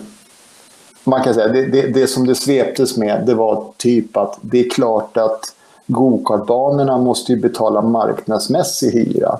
Alltså, mm. Vi kan ju inte subventionera priset bara för att det är en klubb. Mm. Och då vände vi såklart på det. Vilken klubb betalar marknadsmässig hyra? Alltså vilken mm. hockeyhall betalar 1200 kronor kvadraten för... Det, det, det, liksom, det höll inte. Mm. Eh, så att, så att vi, vi fick egentligen ingen... Men, men det man kan lista ut i alla fall, det vi mer eller mindre fick bekräftat, att i den här häradsallmänningen mm. så satt det en företrädare för de privata markägarna och de ville såklart tjäna pengar på sin mark om det gick. Och sen satt det tre stycken trötta kommungubbar som egentligen inte hade så mycket att säga till om eller tycka, som inte orkade bry sig. Mm. Och då gick man på den här linjen att har vi folk som kan betala mer för den marken där gokartbanan ligger, då är det mm. klart vi ska ta det. Mm. Och nu när klubbens arrende löper ut, då har vi ett par intressenter som har hört sig för och vill ta över marken där banan ligger. Så att, ja, det, vi, fick ingen, vi fick ingen rimlig motivering, men jag tror att ungefär så låg det till. Mm. Ja, det låter väl troligt. Um, ja, nej, det är ju en fantastisk vändning som ni har gjort. Liksom. Om vi, jag blev ju, jag vet inte, de som lyssnade på förra Pokerpappan live här, uh, så, så körde ju Alex Danielsson en, um, en enkel Eh, genomgång av de eh, fem banorna som man kör, formula, eller för, kör eh, Akila på. Och han gick ut hårt och sa att han egentligen behövde en timme för att gå igenom Mantorp. Men det tog väl lite drygt en timme så tog vi fem banor i alla fall. Det var tur att han inte drog den, den noggranna genomgången då. ja, jag tyckte det var jätteroligt. Men jag blev ju lite inspirerad. Alltså, skulle du kunna ta oss igenom den här banan lite så, lite med asfalten och lite ta höjd eller ja, du vet. Och den här bilden här, jag hoppas ni kan se, vi har ju, om jag förstår det rätt, har vi ju start och mål eh, liksom närmast ner, ner där i bilden. Man ser start och mållinjen lite snett nere där till, till vänster kan man säga. Mm. Ja, just det. Eh, och jag brukar säga att när, när jag ska gå igenom Järfällabanan så en, en snabb genomgång kan jag dra på ungefär 45 minuter. Om det är okej. Okay. Ehm, men, eller ja, vi, vi, vi, vi börjar så får du säga till när jag börjar bli lite långrandig. Ehm, egentligen så är start och målrakan är det ju såklart full gas och den kurvan man sen kommer fram i, där kan man säga att Rotax-karta eller Rotax Max-karta. Eh, de har ett uppsläpp i ingången och sen är det i princip på full gas igen. Mm. Och den rakan som sen går ut med, nu syns det inte riktigt, men det är en bergvägg, ut med bergväggen. Eh, där nere så kommer man aldrig riktigt upp i samma fart som man gör på start och målrakan. Så att, men den första inbromsningen in mot det här lite höger, vänster, höger eh, kombinationen där. Den inbromsningen är jäkligt lurig och hela det här partiet, de tre svängarna då, som ligger ganska tajt in på varandra. Mm. Där finns det alla möjliga olika varianter. Att, eh, liksom, vi- vilken kurva vill man åka fort på och vilken kurva får man ta lite tajtare. De, de hänger liksom i varandra. Mm.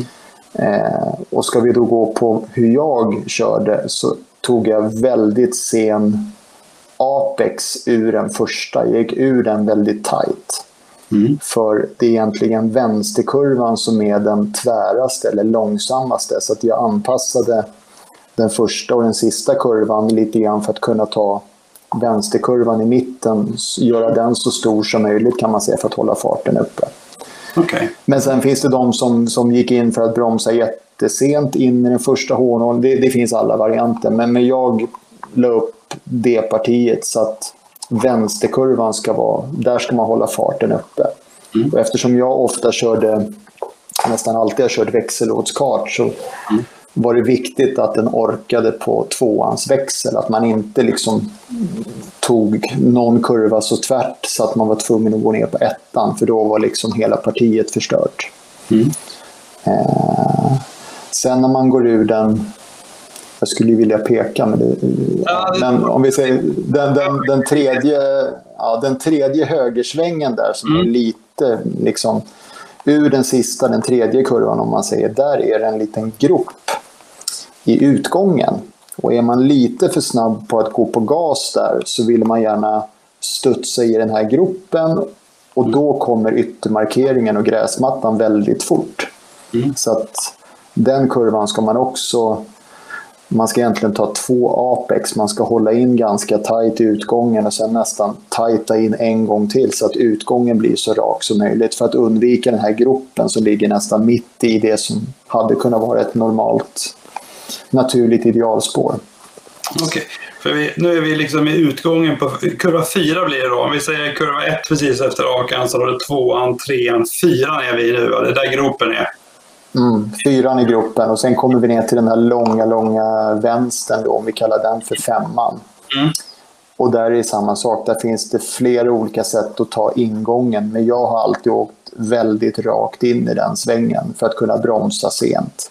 Mm. Inte ta så mycket höjd utan gå in för att åka så rakt in så att man tangerar liksom i, det är ju som en liten chikan nästan i ingången. Men försöker åka så rakt genom den chikanen och bromsa rakt in mot där den börjar svänga till vänster.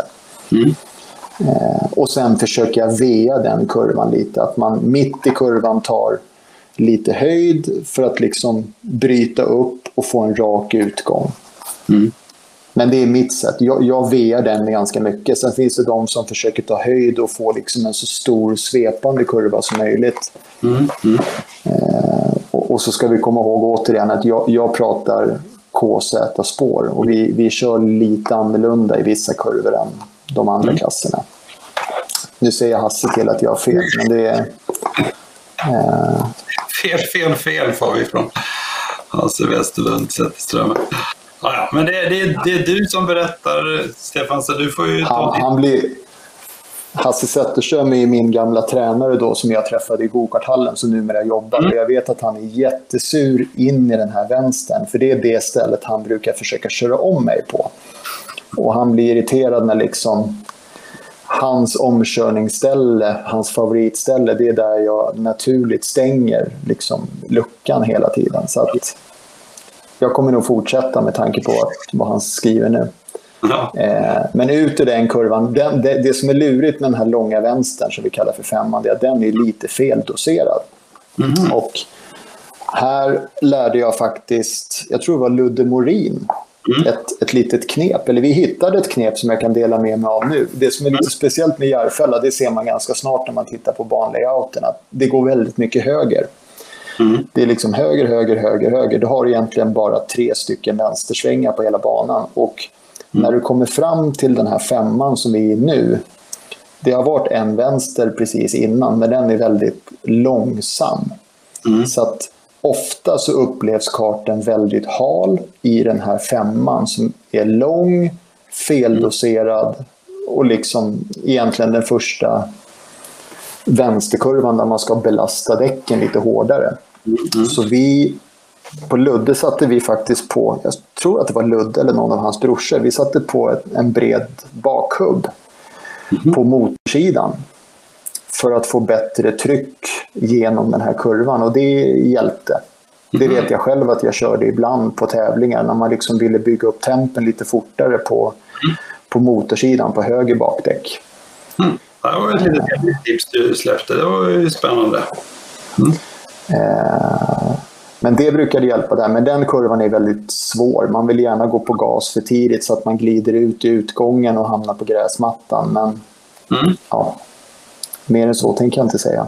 Nej, det räcker. Eh, sen ser man nästa lite att när det kommer ut att bli det som vi kallar för parallellrakan, den här lilla raksträckan tillbaka, där åker man ju först lite upp för och sen börjar det gå ner för. Och det faktum att det går ner för när man ska in i sexan då, som är nästa vänsterkurva. Den inbromsningen är lite lurig och ingången är lurig för att man gärna vill gå in lite för rakt på, lite för tight så att man bommar utgången. Mm.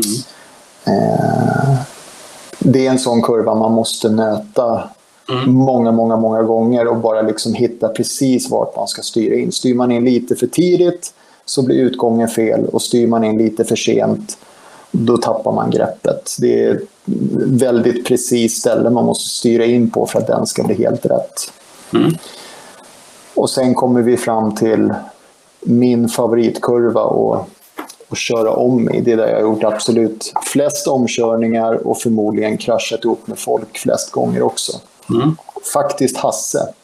Mm. På SM 97 så klotade vi i den kurvan. Ja, precis. Tack Hasse. Han kom Hasse, ja, jag tror Hasse låg, det här var typ i förfinalen på SM 97. Hasse låg två och jag låg trea. Mm. Och jag tyckte att det var en bra idé att försöka dyka på Hassin där. Och helt plötsligt så var jag uppe i grässlänten och körde. Så um, det kan jag i och för sig då, om vi, om vi pausar själva banan. Den tävlingen så fick jag därmed starta sist i finalen. Mm. Eh, och det SM, med den finalen, så gjorde jag mitt livs... Det kan man väl erkänna nu, det är ju preskriberat. Jag gjorde mitt livs tjuvstart. Okay. Eh, för jag skulle starta på ruta 34 och ruta 34 var ungefär i kurvan ut på startrakan. Mm, mm. Det var väldigt, väldigt långt fram till dem i täten och i första starten så blev det en liten startsmäll så att det var kanske fem, fem sex, sju bilar som blev stående i gräset. Mm. Och då tänkte jag när vi rullade upp på startplattan för andra gången, då var det ju stillastående start. Mm. Då tänkte jag att någonstans där framme måste det finnas en tom ruta mm. som man kan ställa sig i. Så jag rullade fram den lite försiktigt och hittade väl någon ruta som jag tror var ledig och parkerade i och sen gick starten. Och så höll jag min specialare på Järfälla i starterna det är att hålla ytter, ytter, ytter, ytter, ytter genom första två kurvorna. Så att mm. Mm. Efter två svängar efter starten så var jag uppe någonstans trea, fyra. Mm. Men kraschade i tredje kurvan och blev stående igen. Så att, eh, men tillbaka till den bästa omkörningskurvan. Det är bästa omkörningskurvan. Och, och där lärde jag mig... Så en, två, tre, fyra, fem, sex, sju är vi då, va? Sju. Yes. Mm. Och där lärde jag mig, om vi nu ska hålla på och prata tips, nu kanske det är mest för KZ, eller det, det är garanterat mest för KZ, men min pappa observerade på en tävling där att jag hade mina bästa varvtider de varven jag körde om i den kurvan. Mm. Eh, det är liksom den naturligaste kurvan att köra om i på banan. För gör man lite fel i kurvan innan så behöver man knappt anstränga sig. Det är bara att gå upp bredvid och bromsa lite senare så är man förbi. Men Mm. Min farsa observerade att liksom, fan, de varven du kör om, det är dina bästa tider. Så jag körde mer och mer omkörningsspår där, liksom, även fast jag låg helt själv. Mm. Eh, men det är väl ingenting jag rekommenderar för en lite halvtrött Rotax-motor kanske. Men, men i KZ absolut så mm. behöver man inte hålla på att ta med höjden nödvändigt. Eh, sen kommer vi egentligen till de två svängarna då. Den svaga kurva nummer 8 och så kurva mm. nummer 9 ut på startrakan. Och det är ju de kurvorna som jag har lite svart bälte i på Järfälla. Mm. Eh, och knepet är genom kurva 8, det är egentligen en fullfartskurva. Mm. Där kan man träffa innemarkeringen precis rätt och liksom åka och nästan gränsla innemarkeringen. Men det är viktigt att man, man träffar precis på rätt ställe och att man inte släpper gasen. Du måste hålla fullt, för släpper du gasen då studsar det till så mycket så att man åker upp i slänten. Du, måste träffa rätt och du måste hålla full gas hela tiden. Då mm. kan man åka väldigt rakt över den och tjäna två, tre kartlängder. Okay. Mm. Eh, och sen när vi kommer fram till den kurvan ut på rakan, där är väldigt många fega. Du, du ska ut och åka med halva bakhjulet ska vara utanför yttermarkeringen i utgången på den kurvan. Okay. Mm. Men det är också, det, du, du ser ju inte utgången, så man, man ska nöta den kurvan tills man lär sig att mm. åker du bara på asfalten och inte ens ute på yttermarkeringen, då är du för feg. Mm. Du, du ska hålla full gas därigenom och du ska släppa ut karten så att halva bakhjulet är på gräsmattan. Då har du liksom maximerat. Men samtidigt en kurva där det är väldigt lätt att göra fel och tappa väldigt mycket om du mm. glider ut en decimeter för långt såklart. Ja, kul, kul att höra och jag tror, eh, nu är jag inte någon expert, men det här är en ganska kul bana. Va? Det är många som tycker den är kul att köra på. Eller vad, eh, Jo, men det tror jag. Alltså, jag tycker fortfarande att den är rolig, men det är, man, jag vet inte hur vanligt det är att man tycker hemmabanan är, är rolig. Men, men det är klart. Jag förknippar den ju mycket med... Alltså, smaken är ju som baken, men många av de nyare banorna går ju väldigt mycket fortare än vad det, var, vad det gör på Järfälla. Och det är det som är, det som är kul med Järfälla, det är helt enkelt att det är absolut inte en motorbana.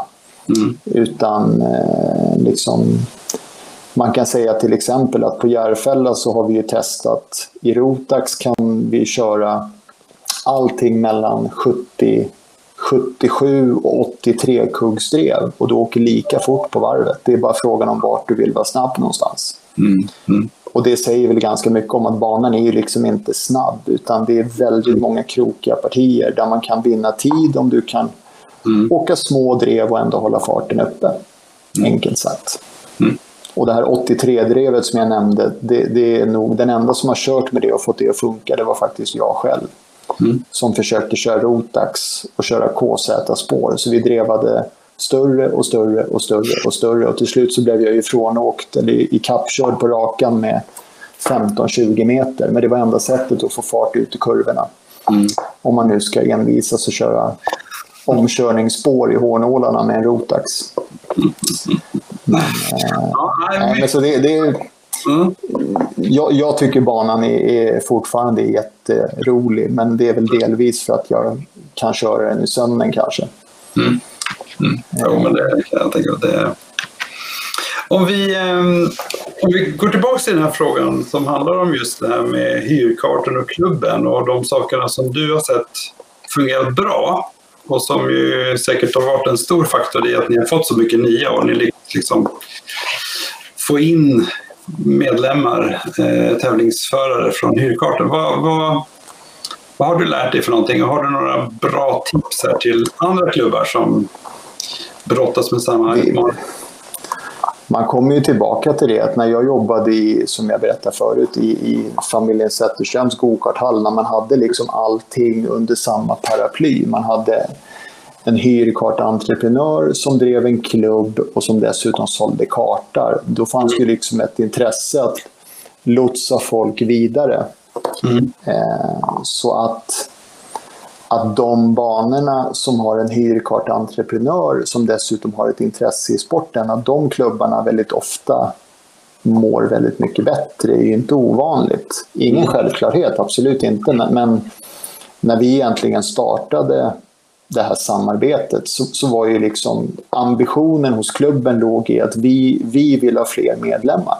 Mm. Det märktes en liten avmattning kan man säga efter de här tuffa åren 2008 till 2010. Det märktes liksom över hela Sverige att gokartsporten sjönk i antal deltagare. Mm. Och då satt vi faktiskt och spånade, jag och den nyvalda styrelsen i Järfällaklubben. Vi var nere på träningsläger i Vendrell. Mm. Och satt där nere och spånade direkt efter årsmötet liksom hur man skulle få igång sporten. Och jag, jag sa ju bara av min erfarenhet det är att hyrkartentreprenören, det är en väldig fördel om han har ett intresse att få fler in i sporten. Mm. Och så satt vi såklart och spånade på vem det skulle kunna vara. Och jag sa ju såklart att ja, till exempel någon som jag. Mm. Jag vill sälja kartar. Mm. Och ni vill ha medlemmar. Det är liksom en ganska bra utgångspunkt. Mm. Eh, och ett och ett halvt eller två år senare, då beslutade ju klubbens styrelse att klubben skulle driva hyrkartverksamheten i egen regi. Mm. Så när vi började jobba och samarbeta på riktigt så var det klubben som ägde hyrkartverksamheten och mm. vi hade uppdraget att bemanna och sköta den. Mm. Eh, men sen beslutade vi efter bara två år att det var bättre att, att, ja, att vi drev den i egen regi. För att det, det, var inte helt oproblematiskt att ha en, en ideell klubb som dessutom ska sätta sin signatur på en årsredovisning för företagsverksamhet kanske. Mm, mm. Eh, så sen, jag vet inte ens hur länge det är, men nu är det väl sen fem år tillbaka så driver vi Hyrkarten mm. och vi har butik på banan så att vi, vi har ju fått styra om så att tävlingskartuthyrningen som vi har, alltså prova på, mm. vi har väl ungefär 15 tävlingskartor i de olika klasserna för uthyrning. Mm. Och det är allt ifrån företagsevent till ren prova på. Mm. Hej, jag har en dotter som heter Siri som skulle vilja prova tävlingskart. Ja, men kom upp på träningen på tisdag och hyr en kart. Mm. Men just det här att hyra ut tävlingskartor på träningen, det har vi inte kunnat göra sista året för att det har varit så väldigt många. Mm. Och dessutom har vi ju sålt alla våra uthyrningskartor för att mm. liksom få igång alla nya. Så att, mm. eh, så det har vi fått lägga istället. Nu, nu spånar vi på att försöka ha en, en hyrkartkväll för tävlingskart prova på för att inte störa klubbens träning överhuvudtaget med det.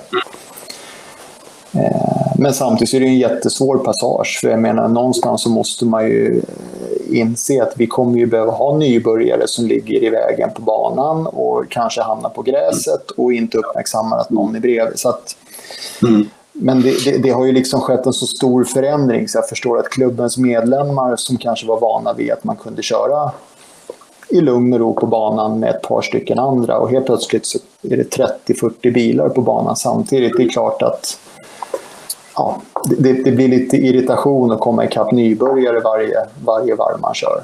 Mm. Så det, det, är svårt. Det kan man förstå, men samtidigt så är det ju en eh, positiv förändring och då får man väl liksom hantera det på något sätt. Ni, ni kommer säkert hitta bra lösningar på det. Ja, och, och, för våran del så var det helt enkelt ett måste. Alltså ja. vi, vi måste öka på antalet aktiva och visa kommunerna som stöttar ekonomiskt att titta vilken positiv utveckling. Vi har fått så här många fler medlemmar. Och, ja, mm. så, så att det, det, är ett nödvändigt... Nybörjarna är ett nödvändigt ont, eller vad vi ska säga, utan att vara för taskiga. Men ja, du förstår Nej. vad jag menar. Ja, verkligen. Men, men, men det, är ju, det är ju så, man får ju också inse, det är ju en balans där liksom. Att, eh, ibland så kan man ju tycka kanske att eh, varför ska man släppa de tio minuterna där till och sen så får vi släppa ut några nybörjare. Så jag, jag har ju full förståelse för att man, och jag menar, jag vet ju också när, när, när vi började, alltså det är ju man behöver ju ha lite, det, det är ju att, att, komma ut som nybörjare bland liksom 30 eller 10 erfarna, det blir ju det kan ju gå väldigt fel väldigt fort då, och då kanske man tappar de här för att de liksom blir för rädda och så. så det får man också inse att eh, ja, man får hitta något eh, samspel där. Så att, eh. vi, har, vi har ju en hel del vi blev ju lite tagna på sängen sommaren mm. som var, ska jag ju säga. Att vi var ju inte beredda på... Ganska stor del var ju coronaeffekt, känns det mm. som. Att många många insåg att nu kan vi inte åka liksom på utlandssemester utan nu köper vi en tävlingskart som vi har pratat om så länge och så tar vi licens och så börjar vi köra. Just det. Eh, så att det blev ju fort väldigt många och vi hade ju liksom inte förberett oss på hur vi skulle parera det här. Men, men det var ju liksom bara att dela grupper, ändra grupper. Vi, vi, vi prövade massa olika grepp. Men det svåra för mina killar då som skötte träningsvakten, det var ju en vanlig söndag klockan 10. Ja, då var det ju folk som hängde på låset och anmälde sig och åkte ut och körde. Mm. Och så någon timme senare, helt plötsligt så står det 30, kanske 40, 125 kubikskartor på startplattan. Okej, okay. och då ska ju liksom träningsvakten hinna vara lite med och avgöra hur många åker fort, hur många åker sakta. Mm. Mm. Ska vi dela dem liksom klassvis eller, eller liksom prövat, det, det, är jättesvårt. Det är svårt att se på någon om ja. han är snabb eller om han är mm. liksom sämre. Långsammare ja, kanske. Ja. Ja, jag skulle varit träningsvakt i lördags på Klippan men det, det ställdes in på grund av kylan. Men så, så, de gånger jag har varit så, alltså det, så är det ju aldrig. Det, men det kan ju vara jättesvårt. Eh, just hur, hur ska man dela in liksom och sådär. Så att, eh, nej, det förstår jag verkligen. Och sen, och sen, och sen har det ju blivit alltså den här nya träningssituationen. Alltså vi har väl hela tiden haft som förhoppning eller ambition att klubben själva ska kunna sköta, eller klubbens medlemmar ska kunna sköta träningsvakten. Mm, mm. Men med den situationen som har blivit nu så är väl egentligen både jag och styrelsen lite halvskeptisk till om klubbens medlemmar, där många kanske är lite nybörjare om, om det finns dels tillräckligt med folk som faktiskt mäktar med liksom att, att, vara på plats och hålla banan öppen. Och sen, alltså, när det är svårt för mina killar som alla har en bakgrund inom tävlingsgokart och dessutom gör det här tre dagar i veckan hela sommaren. Mm. Att hoppa in, kanske göra det någon gång mitt ja. i sommaren vid ett tillfälle. Alltså det är, men, men ja, vi jobbar på det. Ja, det låter bra. Eh, vad har du annars lärt dig, eller vad har ni lärt er liksom just när det gäller att få, få vad finns det några andra intressanta saker ni har sett? För ni har ju ändå uppenbarligen lyckats få det till att växa liksom antalet. Har, du, har ni några andra sådana lärdomar? Nej, men man har, man har väl, det, det har ju kommit liksom nya, vi har fått nya idéer och det har kommit nya Ny, nya saker man måste parera. Det, det, det, första vi insåg var ju att klubben slutade tyvärr, säger jag, för ganska många år sedan med att arrangera kvällstävlingar. Det hade mm. man ganska ofta, att man hade kanske tre, fyra klubbkvällstävlingar en vardagskväll. Och största egentligen anledningen till det, det var att dels så fick banan nedkortad tids och vi fick bara på grund av bullret köra fram till klockan åtta på kvällen.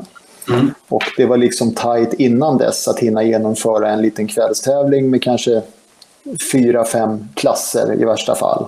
Mm. Och hinna med liksom anmälan, besiktning, kval hit, finaler och vara klar till klockan nio. Och helt plötsligt ska vi vara klara klockan åtta. Och trafiksituationen i Stockholm de senaste tio åren har ju liksom inte blivit smidigare. Så att, att folk ens ska kunna vara på plats till klockan fem, det är ju svårt om man har ett vanligt... Verkligen. Mm. Eh, men, men det, det, vi har plockat upp egentligen nu, vi har, vi har ju kört igång det som vi kallar för EasyCart-tävlingar eller EasyCarting. Och det här EasyCarting, det var egentligen återigen jag och Hasse mm. som fick besked för, vad kan det vara, 6-7 år sedan att vi skulle stå på mässan och prata go-kart mm. i Bilsportförbundets monter. Mm. Och då sa vi det att vi måste ju kalla det här tävlingskartuthyrningen för någonting. Ja, men, mm det ska vara enkelt att köra tävlingskart och prova tävlingskart. Ja, men vi kallar det för EasyKart eller EasyKarting. Mm. Och sen har det följt med. Och, och tanken med liksom det här konceptet EasyKart, det ska vara liksom, det, det ska vara när du har kört i en gokarthall och du är van vid att du hyr en hyrkart per pass. Du köper tre biljetter och så kör du. När folk kommer ut till tävlingsgokartbanan och ska hyra en tävlingskart så är det samma koncept. Du köper en biljett och så bestämmer du om du ska åka en eller två eller tre eller fyra pass med tävlingskart. Mm.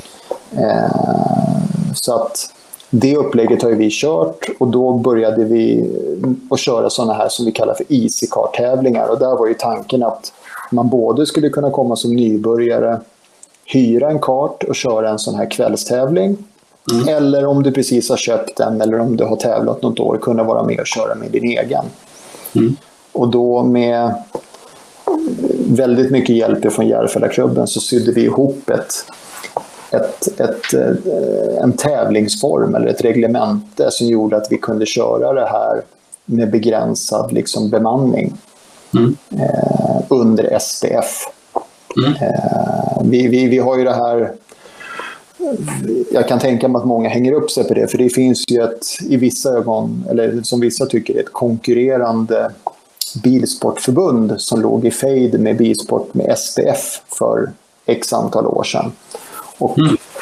Det konkurrerande förbundet, vad vi ska kalla för, de, de är de enda som kan erbjuda en bra försäkring för hyrkartverksamhet. Mm. Jag har kollat med alla bolag och alla bolag är väldigt duktiga på att ducka och säga att det håller vi inte på med längre. Mm. Men det kunde SMA ordna, som de heter, Svenska Motorsportalliansen. Så vår hyrkartverksamhet är försäkrad via SMA. Mm. Och då tror väl kanske många att vi försöker att ducka för SPF och köra även tävlingskartuthyrningen. Men Aha, vi försöker, ja, vi, vi, försöker rakt igenom att köra under SPF för det blir väldigt mycket enklare i och med att det kommer folk som har licens och en tävlingskart och då är det mycket mm. lättare efter att vi löste det med SPF att liksom, det kan komma en nybörjare, hyra en kart, lösa en prova på-licens och vara med och tävla.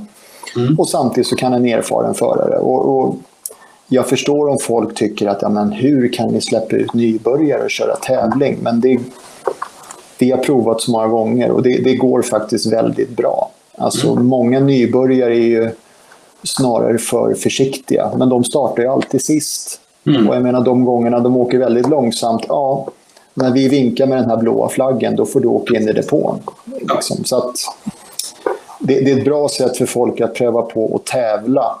Alltså mm. även nybörjare som har köpt en kart utan att behöva packa en släpkärra och åka på en tredagars till liksom Bålänge för att komma sist. Mm. Det här blir ett sätt att prova på att tävla på hemmaplan under lite lugnare former. Eh, så jag, jag, tror och hoppas att det är uppskattat framförallt bland nybörjare. Mm. Eh, faktiskt. Alltså som tävlingsträning, eller vad man ska kalla det för. Ja. Och så försöker, vi, och så försöker vi hålla det på ganska, liksom, det ska vara roligt. Alltså jag och Hasse som ofta är de som håller i tävlingarna, vi försöker hålla det på en lättsam nivå så att folk förstår att det här är inte VM utan alla ska ha kul och alla ska komma i mål. Mm. Och racea med lite liksom, lagom temperament. Jag tror det är jättebra för att just den här övergången till tävlingar Eh, den, den är, det kan vara lite utmanande. Menar, speciellt om man då kanske har varit på en klubbtävling och sen så kommer man då till en större SKCC, MKR eller någon större tävling. Liksom, det är, det är ett ganska stort steg. Det är väldigt mycket mer att tänka på. Eh, både för föraren och mekaniker. Och, sen, och sen har vi ju det, alltså det, det faktumet vi står inför att de som håller på med go-kart när jag tävlade i go-kart bara för 20 år sedan så kändes det som att det överlag var folk som någon gång i sin ungdom hade plockat isär en mopedmotor och satt ihop den igen för att man var lite nyfiken.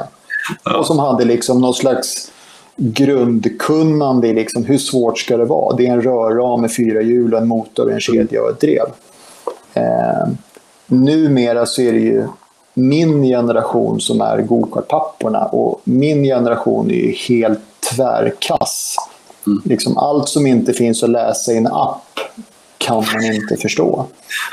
Eh, och dessutom så har jag suttit i eh, så, så många liksom träffar med nybörjare. Där liksom, vi har en son eller en dotter som har kört jättemycket inomhus-gokart här i vinter. Hon tycker att det här är jätteroligt. Mm. Hon vill börja tävla. Hur gör vi?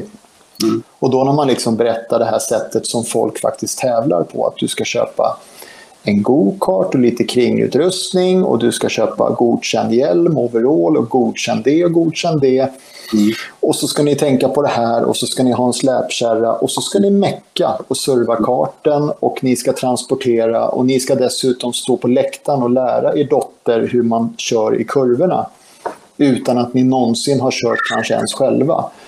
Ehm, det blir en kalldusch för många. För många har vi liksom en bild av att gokartklubbarna funkar som de flesta klubbar. Att det finns en, mm. det finns en tränare och en, liksom en, en, en instegskurs. Men, men mm. Och det har ju gjort att liksom många av våra nybörjare som kanske kommer och hyr en kart bara för att prova på mm. fortsätter att hyra. Vi har ett, ett, exempel igen, Maja Hallén. Mm. Hennes första två eller tre år hon tävlade i gokart så körde hon liksom Easy-kart-konceptet. Hon, hon hyrde kart och hon mm. körde ju SM och MKR-tävlingar och även Rotax Challenge-serien. Och hon kom egentligen till dukat bord. Och många tyckte att det där såg jättefräsigt ut. Men jag som vet hur mycket folk lägger på sitt gokarttävlande kan ju bara säga att det kostade ungefär samma pengar som det kostar vem som helst. Skillnaden var bara att vi sparade en massa tid. Mm. För hade hennes pappa varit den som skulle rodda och göra ordning gokarten inför tävlingen, då hade mm. vi stått där halva fredagsträningen och försökt få ordning på kartan. Mm. Nu när hon kom till banan så var det, det mesta var inställt och klart och det funkade. Mm. Och hennes pappa behövde inte stå i skamvrån och bli skyldig för att glömt att kolla en massa saker. Så att det, det, man, man, kan säga att ett upplägg där man kan hyra kart, det låter flådigt och dyrt. Men vi försöker hålla det på en nivå där det inte ska vara det. Utan det ska vara ett enkelt sätt för folk som kanske bor i lägenhet och inte har släpkärra och inte har tid eller intresse att mecka. Mm.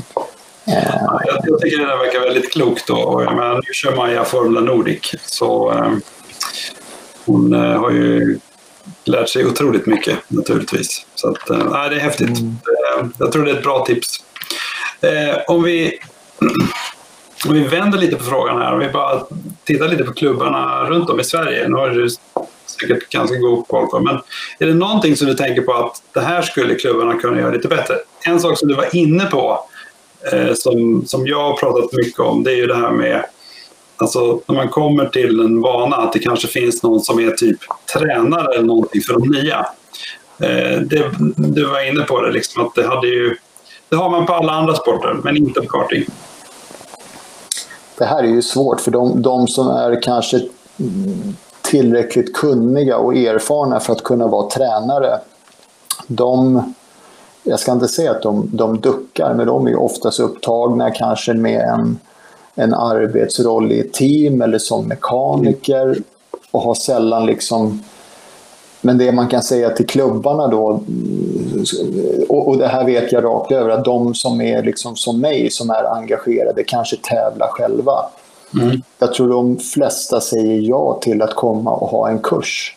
Det gäller mm. nästan bara att någon i klubben bestämmer, ring och fråga. Mm. För liksom ofta så tycker vi om att berätta hur duktiga vi är. Eller, hur man ska säga, eller dela med oss av våra erfarenheter. Det, det här hemlighetsmakeriet det är väldigt sällsynt om man har hållit på med gokart väldigt länge. Det, alltså det, är, det är inget hokus pokus, för det, det är sällan du kan du kan ge information som, som liksom ger flera sekunder i tid. Ja. Däremot så kan man säga att väldigt enkla saker kan göra att folk undviker att behöva harva igenom samma mm. lista med problem som alla nybörjare gör. Alltså, mm. men, men, men återigen, alltså, är man i en klubb och tycker att vi borde liksom ha lite mer kurser, mm. prata med de erfarna förarna, men gör inte dem till liksom förare eller duktiga mekaniker, men gör inte dem till ansvariga, att de ska vara liksom bossa i någon träningsgrupp, utan det bästa är om det är en glad ett gäng nybörjare som, som vet vad de vill ha hjälp med. Som säger vi skulle, behöva, vi skulle vilja lära oss mer om det här och det här. Mm. Och så ringer man och frågar de som kan. De kommer garanterat ställa upp. Mm. Annars så ringer jag och skäller. Ja, men det låter... ja, men det är faktiskt liksom... att vända lite på det också. Det kommer en konkret liksom, eh, eh, liksom, det kommer något konkret problem och så kan jag berätta om det. Det är ungefär det du säger. Istället för att man säger ja, eh. som är liksom, kanske låter lite övermäktigt också. Mm. Ett vanligt fel? Ja. Eh, det, det, det, det, hur ska man säga? Det, instrumentet som har skapat mest oreda i depåerna och, och dessutom vridit fokus till helt fel saker. Mm. Det är ju det vi kallar för framvagnslaser eller sniper. Aha. Mm. Eh, det är ett jättebra instrument mm. om du vet vad du håller på med. Och, det, och det är, man tycker att det är helt logiskt att de där två prickarna ska liksom träffa på samma ställe på båda sidorna. Mm. Och väldigt ofta så står man vid en go-kart där någon har stått och vridit och vänt på de här justeringsbrickorna till framvagnen tills de här laserprickarna träffar varandra. Mm. Och så brukar jag nästan alltid sätta mig på... Ju, ju, ju, ju mer olika de här framvagnsbrickorna står, desto krokigare vet man ju att någonting har blivit någon annanstans som man har försökt att kompensera. Mm, mm. För liksom gr grundprincipen med, med framvagnsbrickor, det vi kallar för kastebrickor, de ska ju stå likadant på båda sidor. Mm. Och visar framvagnslasen olika så, så är det ju någonting som behöver rättas till. Och eh, hur ska man säga, man, man, kan ju tycka liksom att herregud, det är en hel ruta fel på den här snipern. Den, den pricken är en ruta högre än vad den är på andra sidan. Och det här instrumentet är ju också för exakt. Mm, mm. Eh, det här kommer folk att protestera emot, men, men alltså det, det, man kan säga att nya chassin som kommer från fabriken, mm. på kambervinkeln så skiljer det nästan alltid en ruta. Mm. Mm. Och det folk gör då när man... Eh... Nu fick vi en fråga här. Vad händer mellan laser? Jag tror vi... Du får formulera om den frågan där Charlotte, så vi hänger med. Den kommer nog tillbaks. det kommer väl tillbaka. Nej, men, men det man ofta gör då, om man tittar på Two in, to out till exempel när man tittar på lasern. Till det är lasern jättebra. Det är ett jättesmidigt instrument. Vill man då inte hålla på att köpa en framvagnslaser för flera tusen lappar så kan jag ju säga att vi stod på EM-tävlingar med tumstock och lite eltejp och löste just twin to out lika bra. Man sätter en tejpbit på däcket och så mäter man tvärs över när, liksom, när tejpbitarna är framåt på däcket och sen rullar man båda hjulen ett halvt varv bakåt och så mäter man mm. bak i och då ska det skilja någon millimeter. Då är det liksom bra nog. Mm. Men pratar vi kambervinkeln då som egentligen är höjden på laserprickarna. Då vill ju många gärna att det ska vara exakt. Mm. Och då börjar man vrida på de här kastebrickorna för att ändra kamben. Mm. Och väldigt ofta då så det som har blivit lite snett i ramen för att kompensera laserprickarna så vrider man ofta lasern så att det blir ännu snedare. På lasern är det spikrakt. Problemet är ju bara att framhjulen i förhållande till bakhjulen står ju helt snett. Mm. Det som framvagnslasern mäter det är ju förhållandet mellan framdäcken. Mm. Eh, jag har ett exempel. Det ringde en för många år sedan så var det väldigt arga diskussioner om däcken efter en däcksupphandling. Och då ringde det en arg pappa från Södertälje till mig. Eller han blev hänvisad till mig tror jag. Mm. Av någon anledning. Och han var så förbaskad för att det var så ojämn kvalitet på de här nya däcken. Det ena framdäcket tog ju slut liksom tre gånger så fort än vad det andra gjorde. Mm. Jaha, sa jag, men det kanske är ytterdäcket då, att det svänger mest åt höger även i Södertälje. Nej, men det är det inre framhjulet, konstigt nog, som slits mer. Och då började vi, och jag sa det, jag tror ju att det är någonting som är krokigt. Nej, nej, nej, nej, nej. vi har mätt med lasern, den är spikrak. Och så sa jag till honom, liksom, om du, du kan ta en bakaxel och lägga tvärs över uppe på kastebrickorna på samma mm. ställe på båda sidorna så att du har en rak linje. Och så backar du en bit och så fluktar du bakaxeln mot bakdäckerna. Mm. Och han var i garaget så han gjorde det här samtidigt. Sticker bakdäcken upp lika mycket liksom bakom det här? Nej, det ena bakdäcket, men det är så lite. Det är bara någon centimeter.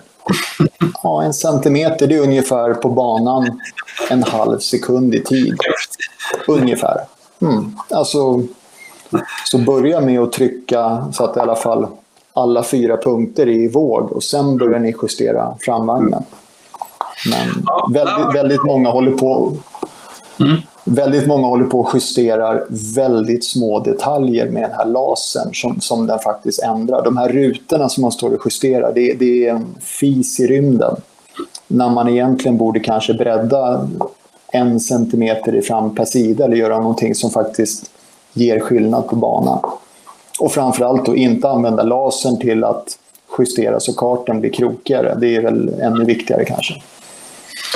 Ja, det här var en bra insikt. Den eh, har jag inte tänkt på. Däremot så har jag ju eh, vad heter det, jag har ju noterat den här lilla eh, vad heter det, camber eh, skillnaden mellan höger och vänster. Men jag har faktiskt tänkt att ah, ja, men det, det är nog som det är. Så jag har faktiskt inte gjort just den grejen, men, men jag kan verkligen tänka mig att man gör det. Och eh. väldigt, väldigt ofta så beror, alltså, så, så beror den här skillnaden, eller väldigt ofta, men det är väldigt ofta en spindelbult som är krokig. Mm. Så tipset till alla är att det första ni gör när ni ser att laserprickarna kanske har blivit lite ändrade mot vad det var tidigare när ni mätte. Ta en insektsnyckel och snurra på spindelbultarna och se så att inte laserpricken fladdrar. Nu fick vi någon som blev väldigt snabb helt plötsligt. Björne. Han säger nu blev han grymt snabb. det, det, är bra att dina tips, vi får se, de får ut och testa det direkt. ja. Har du någon annan insikt här eh, som du liksom, eh, någonting som du, nu, det är många som lyssnar och, och eh, vi vet ju om att du verkligen har mängder med kunskap om detta så det är ju jättespännande om det är något annat som du känner att någon, någonting du har tänkt på som du tycker att vi borde lära oss? Det finns en massa, men, men, men, men det eh, hur ska jag säga, det, det, det, är faktiskt, det här kommer ju låta jättekonstigt, men det är faktiskt, det ligger inte riktigt i tiden, men det är faktiskt väldigt kul att slå ur underläge. Mm. Alltså, om, jag, om jag ska utveckla det så är det lite att ibland så är väldigt, lägger folk väldigt mycket fokus på att man ska vara konkurrenskraftig. Och det är väl i och för sig helt rätt, men om man är precis i uppstarten på sin gokartkarriär så är det inte jätteviktigt att ha den absolut bästa motorn eller det bästa chassit. Man ska ha grejer som fungerar. Det är jätteviktigt. Mm. Eh, så, så, att eh, lägg fokus på att kanske man behöver inte ha den bästa go-karten för har man köpt den bästa go-karten och den bästa motorn mm. och fortfarande har ett ekipage som är liksom en sekund efter mm. så blir det väldigt svart Alltså det, det, blir väldigt tydligt för föraren att det finns bara en parameter nu som gör att mm. det felar. Mm. Och det är inte så speciellt höjande för självförtroendet.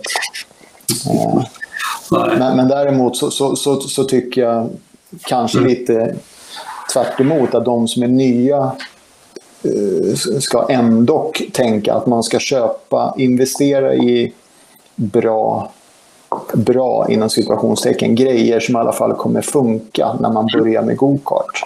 Mm. Köp inte den billigaste kartan på Blocket och tänk att det här duger åt oss. Mm. väldigt många slutar med gokart för att de har köpt någonting som faktiskt inte funkar när de väl står på banan. Mm. Och så slutar man tyvärr tack vare det. Så att mm. Man ska köpa fräscha grejer men man behöver inte jaga den, den dyraste raketmotorn det första man gör när man ska börja tävla. Men Sen får folk göra som de vill. Mm. Mycket bra tips. Eh, nu kommer vi över på några lite mer personliga frågor. Eh, vi börjar närma oss lite avrundningen på intervjun här, men jag tänkte, har du någon sån här lite klassiskt misstag som du har lyckats fixa någonting under, under karriären? Något som du tycker du vill dela med dig? Det är så många. Man önskar att det kunde liksom ploppa upp någonting eh, solklart så här på en gång. Det, det, finns ju... Det var väl egentligen inte mitt misstag, men, men det blev en, en, en redig situation. Jag var på ett SM uppe i Skellefteå för en massa, massa, massa år sedan. Och då, här går väl historien isär lite grann, men på något sätt när vi kom upp på, på den tiden på SM så fanns det någonting som hette Park Famé. Det kanske inte nya gokartpapper känner till, men det var egentligen en inhägnad så när du skulle ut och köra ett kval.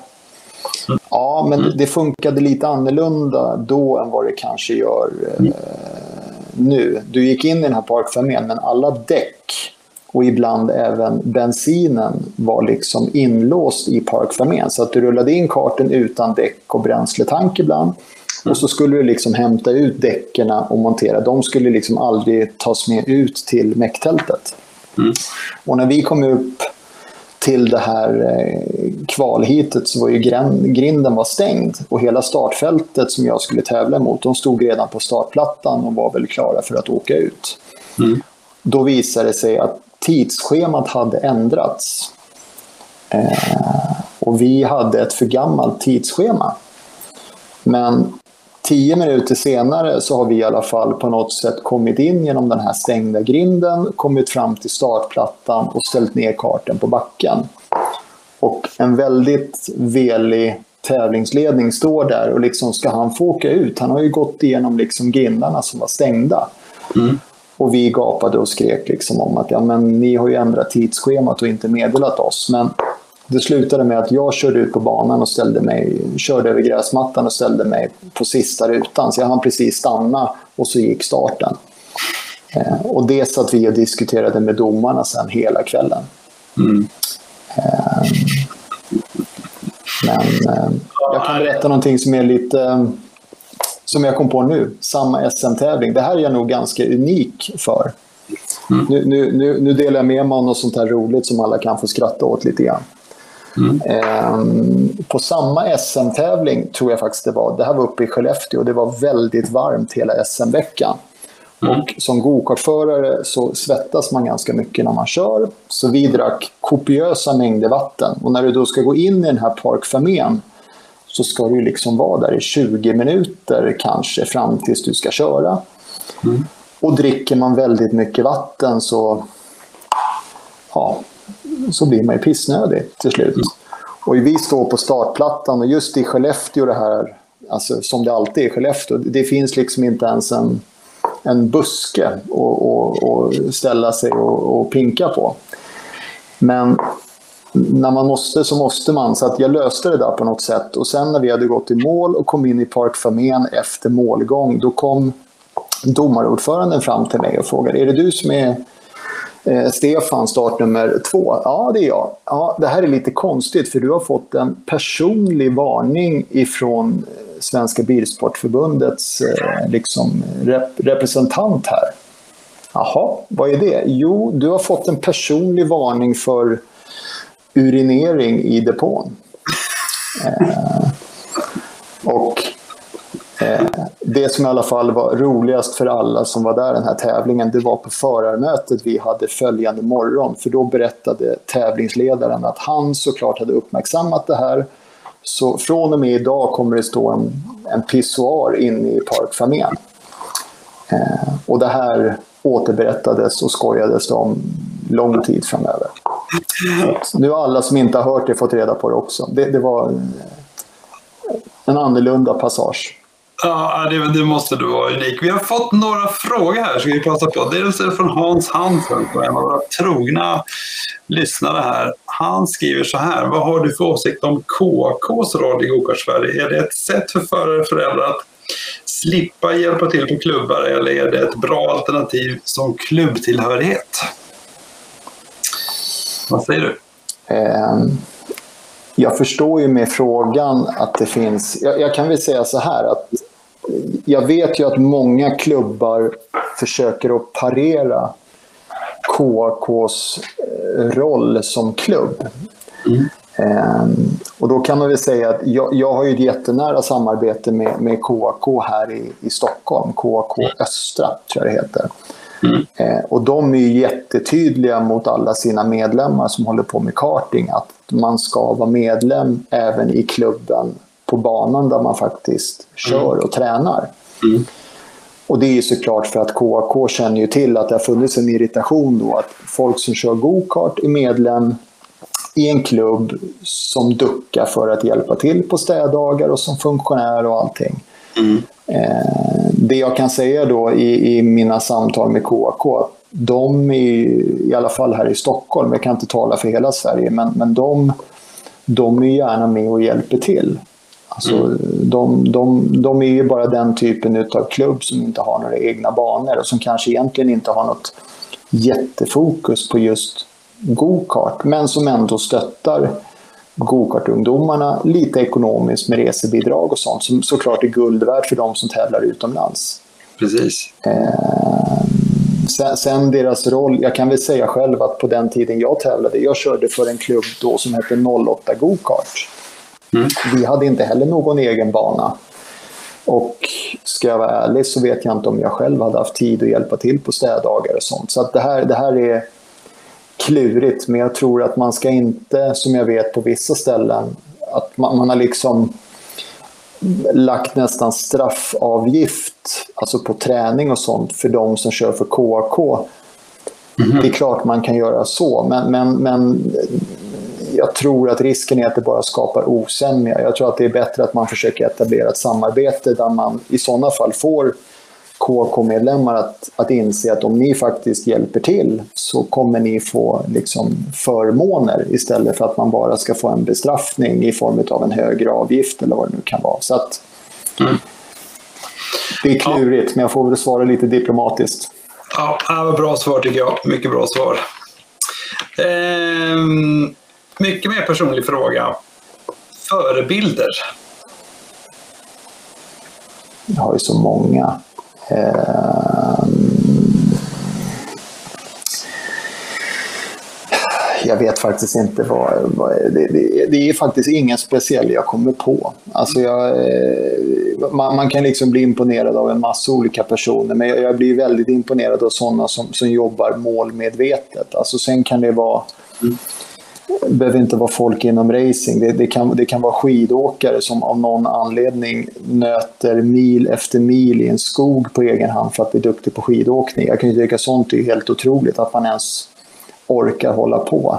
Mm. Men, men sen kan man ju säga att rent generellt så har ju motorsport och kanske främst gokartungdomar man märker rent i allmänheten att när folk får höra att man tävlar i gokart så förknippas det ganska snart med att så här, ja, men då behöver du, liksom, du behöver bara sitta och svänga på en ratt. Mm.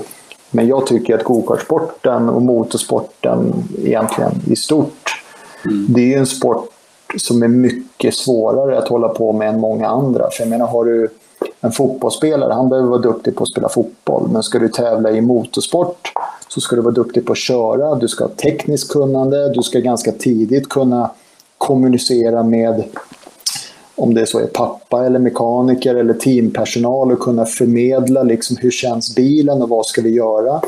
Du ska kunna föra dig gentemot sponsorer och företag och göra det absolut svåraste, det är att, att, att sälja dig själv för att få in pengar. Att stå inför någon och berätta du, jag vill att du ska betala pengar eftersom jag är så duktig. Det är, det är inte lätt. Det är skitsvårt. Och det är inte många andra idrottare som liksom behöver göra det för att ha råd med sin, sin sysselsättning eller sin sport. Så att det, det, är, må, det är många som, som kämpar i det dolda som, som egentligen borde få mer uppmärksamhet än vad de får. Mm. Ja, jag, jag tycker det var, jag, jag, passar på den. Ja, ja, men jag tycker vi kan, vi kan säga att eh, våra gokartförare är liksom våra idoler och förebilder för att de, gör, de, är, de, är, de är rätt fantastiska med tanke på deras ålder och vad de lyckas, lyckas prestera. Jag tycker det är... Om man nu är ny och man liksom eh, vill komma igång med karting, jag brukar nästan alltid ställa den här frågan, men har du något sånt där gör detta, gör inte detta. Vi var lite inne på det med att handla grejer och så, men något annat som du tänker på? Man ska ju vara med, komma med i en klubb och lite så. Träna, träna, träna, träna, träna, träna. Det är bara att nöta varv. Det är liksom... Mm. Det, det, det, det, det, det som ger mest valuta för pengarna det är att köra mycket. Mm. Och framför allt, det kan ibland, alltså kör allt. Allt är bra. Alltså köra hyrkart är jättebra träning. Sen, mm.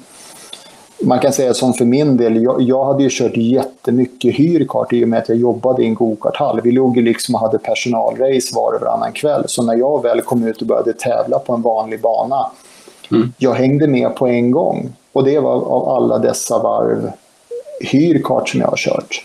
Mm. Och sen kan man väl höja ett varningens finger. Det kanske inte gäller nybörjare, men ibland så kan man höra här att ofta föräldrar tycker att ah, men vi ska nog kliva upp och köra en snabbare klass. Det är ju bra träning, att köra en lite snabbare go-kart. Mm. Och jag är inte helt säker på att det är liksom... Det, det är inte, det, alltså go-kart i min värld handlar... Det är klart det handlar om att man ska lära sig kontrollera fart, men framför allt så handlar det om att lära sig utnyttja allt som finns och lite till. Mm. Så att det är minst lika bra träning att köra en motorsvag kart och ta mm. ut max än att köra en kart där man egentligen kan köra lite hur som helst och man har ändå massor med effekt ut i kurvorna. Mm. Och sen det viktigaste, absolut viktigaste, våga köra KZ. För KZ är det absolut ballaste. Jag kan, jag kan slita mitt hår ibland för att ofta så är det ingen som lyssnar på det här att man liksom ska kanske... Många vill ju skynda upp i klasserna. Mm. Jo, men han fyller ju 12 år här så att vi får ju faktiskt köra J125 och så är vi lite sugna på OK Junior för där går det ju lite fortare. Mm. Och sen när man har hamnat där med sin 12-åring, sen kör man det fram till de är 17-18 och så mm. någonstans kommer någon som jag då som är gammal KZ-åkare. Ska ni inte prova KZ? Nej, jag tycker det går så fort. Mm. Fort, men ni har ju legat och harvat i samma hastighet. Ni har ju kört 37,5 på Järfälla nu i sex år. Ja, fast KZ, det känns lite för extremt. Mm. Det är absolut den ballaste klassen och inte alls så svårt som alla tror. Och alla som vill prova, vi har kartor för KZ också att testa och alla vi som jobbar i Soda, vi har i princip kört KZ. Så att säg till så fixar vi så ni får testa. Alla som har provat hos oss har sagt på en gång att det här ska vi åka. Mm. Så att... Eh, ja, mycket bra. Mycket bra tips. Mycket bra tips. Eh, 2020, mycket speciellt år för alla i, i alla avseenden. 2021, har du något mål ni vill åstadkomma? Parera vad som komma skall. Alltså det känns ju bara som att vi vet ju ingenting om hur 2021 blir. Om man tittar på 2020 så var ju det en berg och dalbana. Mm. Och det ser väl ut som att vi har eh, liksom, vi, vi, vi, har en liknande säsong att vänta. Ja, jag ser. Jag ser. Det är många som säger till. Ja, ja. Det, är, det är bara... Vi, jag och Hasse har ju faktiskt, apropå KZ, vi har ju en liten idé om här tillsammans med några andra gamla rävar att faktiskt ställa upp och köra VM i Kristianstad i sommar. Mm. Inte egentligen för att vi kommer ha en sportmössa, men bara för att ha kört ett VM. Alltså det är KZ-VM, det är liksom... Det ja. blir inte bättre än så. Eh, men om man ser tillbaka till 2021. Vad sa du? Då kommer jag vara där och titta. Mm. Ja, och så får vi se om du, om du ser mig eller om jag ligger som en blöt fläck efter rakan bara och, och försöker hyperventilera och andas. Um, nej, men, men 2021, alltså 2020, det blev en katastrofsäsong där vi liksom först, precis när vi hade förberett allting för säsongen, så blev allting inställt. Och sen var det ingenting, ingenting, ingenting och så pang så dök det upp ett SM helt plötsligt och då skulle man liksom helt plötsligt Mm. Ta fram lastbilar som stod på vinterförvaring och packa och liksom försöka förbereda sig på ett SM kortast möjliga tid. Så att vi, um, mm. vi, vi, får se vad som händer. Men vi håller väl på och försöker att parera och förbereda oss för alla olika scenarion. Sen om det blir ett år där vi får sikta in oss på träna eller um, om det blir tävlingar som vanligt, det, det får vi helt enkelt se. Mm. Mm. Ja, vi har många här i chatten som ser fram emot det här. Eh, så att eh, vi, vi kommer vara många som står där och, och hejar på dig i så fall om du, om du kommer till start. Vi, eh, vi har faktiskt eh, kommit in på sista frågan. Och det är ju då naturligtvis vem du skulle vilja se som nästa intervjuperson i Gokartsoffan. Det här är lite svårt. För jag menar, det, är lätt att man passar över till, till, eh, någon som man känner. Nu, nu, nu råkar det vara, jag ska, jag ska inte göra någon stor utläggning av det här, men, men jag, jag har ju då såklart en person som faktiskt jobbar eh, ihop med oss i teamet. Mm. Men som är en liten mussla. Alltså han, han är ingen snackpåse som många av oss andra, utan han, han säger det som behöver sägas och, och inte så mycket mer. Och han har ju faktiskt en väldigt unik karriär. Eh, och har egentligen varit fabriksåkare och bott i Italien under många, många, många år. Mm. Och bara en sån sak att man är anställd av Vega för att testa däck. Jag vet att vi, det, det uppdagades det här när han var med oss på en tävling som mekaniker i Kristianstad. Då satt vi hade långbord och käkade pizza en kväll. Och som alla vet kring ett bord med massa gokartåkare så ska ju alla brösta upp sig och vara lite störst och bäst och vackrast på, på ett roligt sätt. Men då, då sa vi i alla fall det att av alla ni som sitter runt det här bordet, om vi tar alla våra liksom, gokartvarv vi har kört tillsammans så är det en som sitter vid det här bordet som har kört mer än alla oss tillsammans. Och gokartkidsen då som inte hade en aning, de blev så här, vem pratar du om? Hasse eller? Nej, inte ens Hasse. Han sitter här. Han heter Milton Ryttabris. Och han har kört mer gokart än vad någon kan förstå. Och tittar man på gamla klipp ifrån liksom EM och VM under 90-talet så är det ofta man ser en, en liten bofink med gulblå hjälm som kör en bil eller kart och det är liksom Milton. Mm. Så eh, han han har aldrig berättat ordentligt vad faktiskt han har varit med om. Vi har bara fått höra korta kommentarer, korta utdrag. Jag, skulle, jag hoppas att du kan liksom veckla upp den här musslan och få reda på mer än vad vi har lyckats få höra de här åren som han har varit med oss. Jag tror att han har ganska mycket kul minnen att berätta. Eh, jag vet ju bara de, nu har jag kört Första gången jag träffade Milton det var när faktiskt jag och Hasse var nere och körde jag körde EM-tävling i, i södra Italien och Hasse meckade. Och helt plötsligt på förarpresentationen så dök det upp att det var ju faktiskt en svensk till där som skulle stå bredvid mig. Och då konstaterade vi ganska fort att det var ju Milton. och Han hade blivit uppringd av en fabrik som skulle lansera ett nytt chassi som hette First och hade frågat Milton om han var intresserad av att komma ner, liksom betald förare för att köra en tävling. Och han hade väl inte kört gokart på ett halvår eller någonting. Han jobbade hemma i Sverige då, hade flyttat tillbaka hem. Men han flög ner och körde då eh, Formel C hette det. På KZ så har man alltid uppdelat i två klasser. Du har en klass för oss vanliga dödliga och sen har du en klass för de som har superlicens. Och det är i princip, i princip fabriksåkare rakt igenom. I alla fall var det det på den tiden. Och Milton kommer ner och blir etta i ena finalen och tvåa i den andra. Och vi stod bara och gapade. Liksom. Han har aldrig kört den här kartan, han har inte kört gokart på ett halvår och bara kommer ner och ja, gör jobbet. Ja, det är coolt. Mm. Så um, nej, ja. han skulle jag... Ja. Du, du får ta i från tårna och försöka få honom att, öppna käften och prata. Du, det ska jag absolut förstärka. Du får bara hjälpa mig och, få lite kontaktuppgifter och sen så får du också försnacka lite kanske på honom. Du, vi, eh, jag skulle verkligen vilja säga tack så hemskt mycket Stefan. Det var jätte, jättetrevligt att, att få prata med dig. Nu har vi ett litet delay här på, på, på ljudet. Så nu pratar jag så får du prata sen. Eh, jag kan säga att ehm, vi tar ett litet paus i Gokartpappan här. Jag tänkte hålla lite sportlov nästa eh, vecka så att jag tänker inte berätta vad som kommer efter.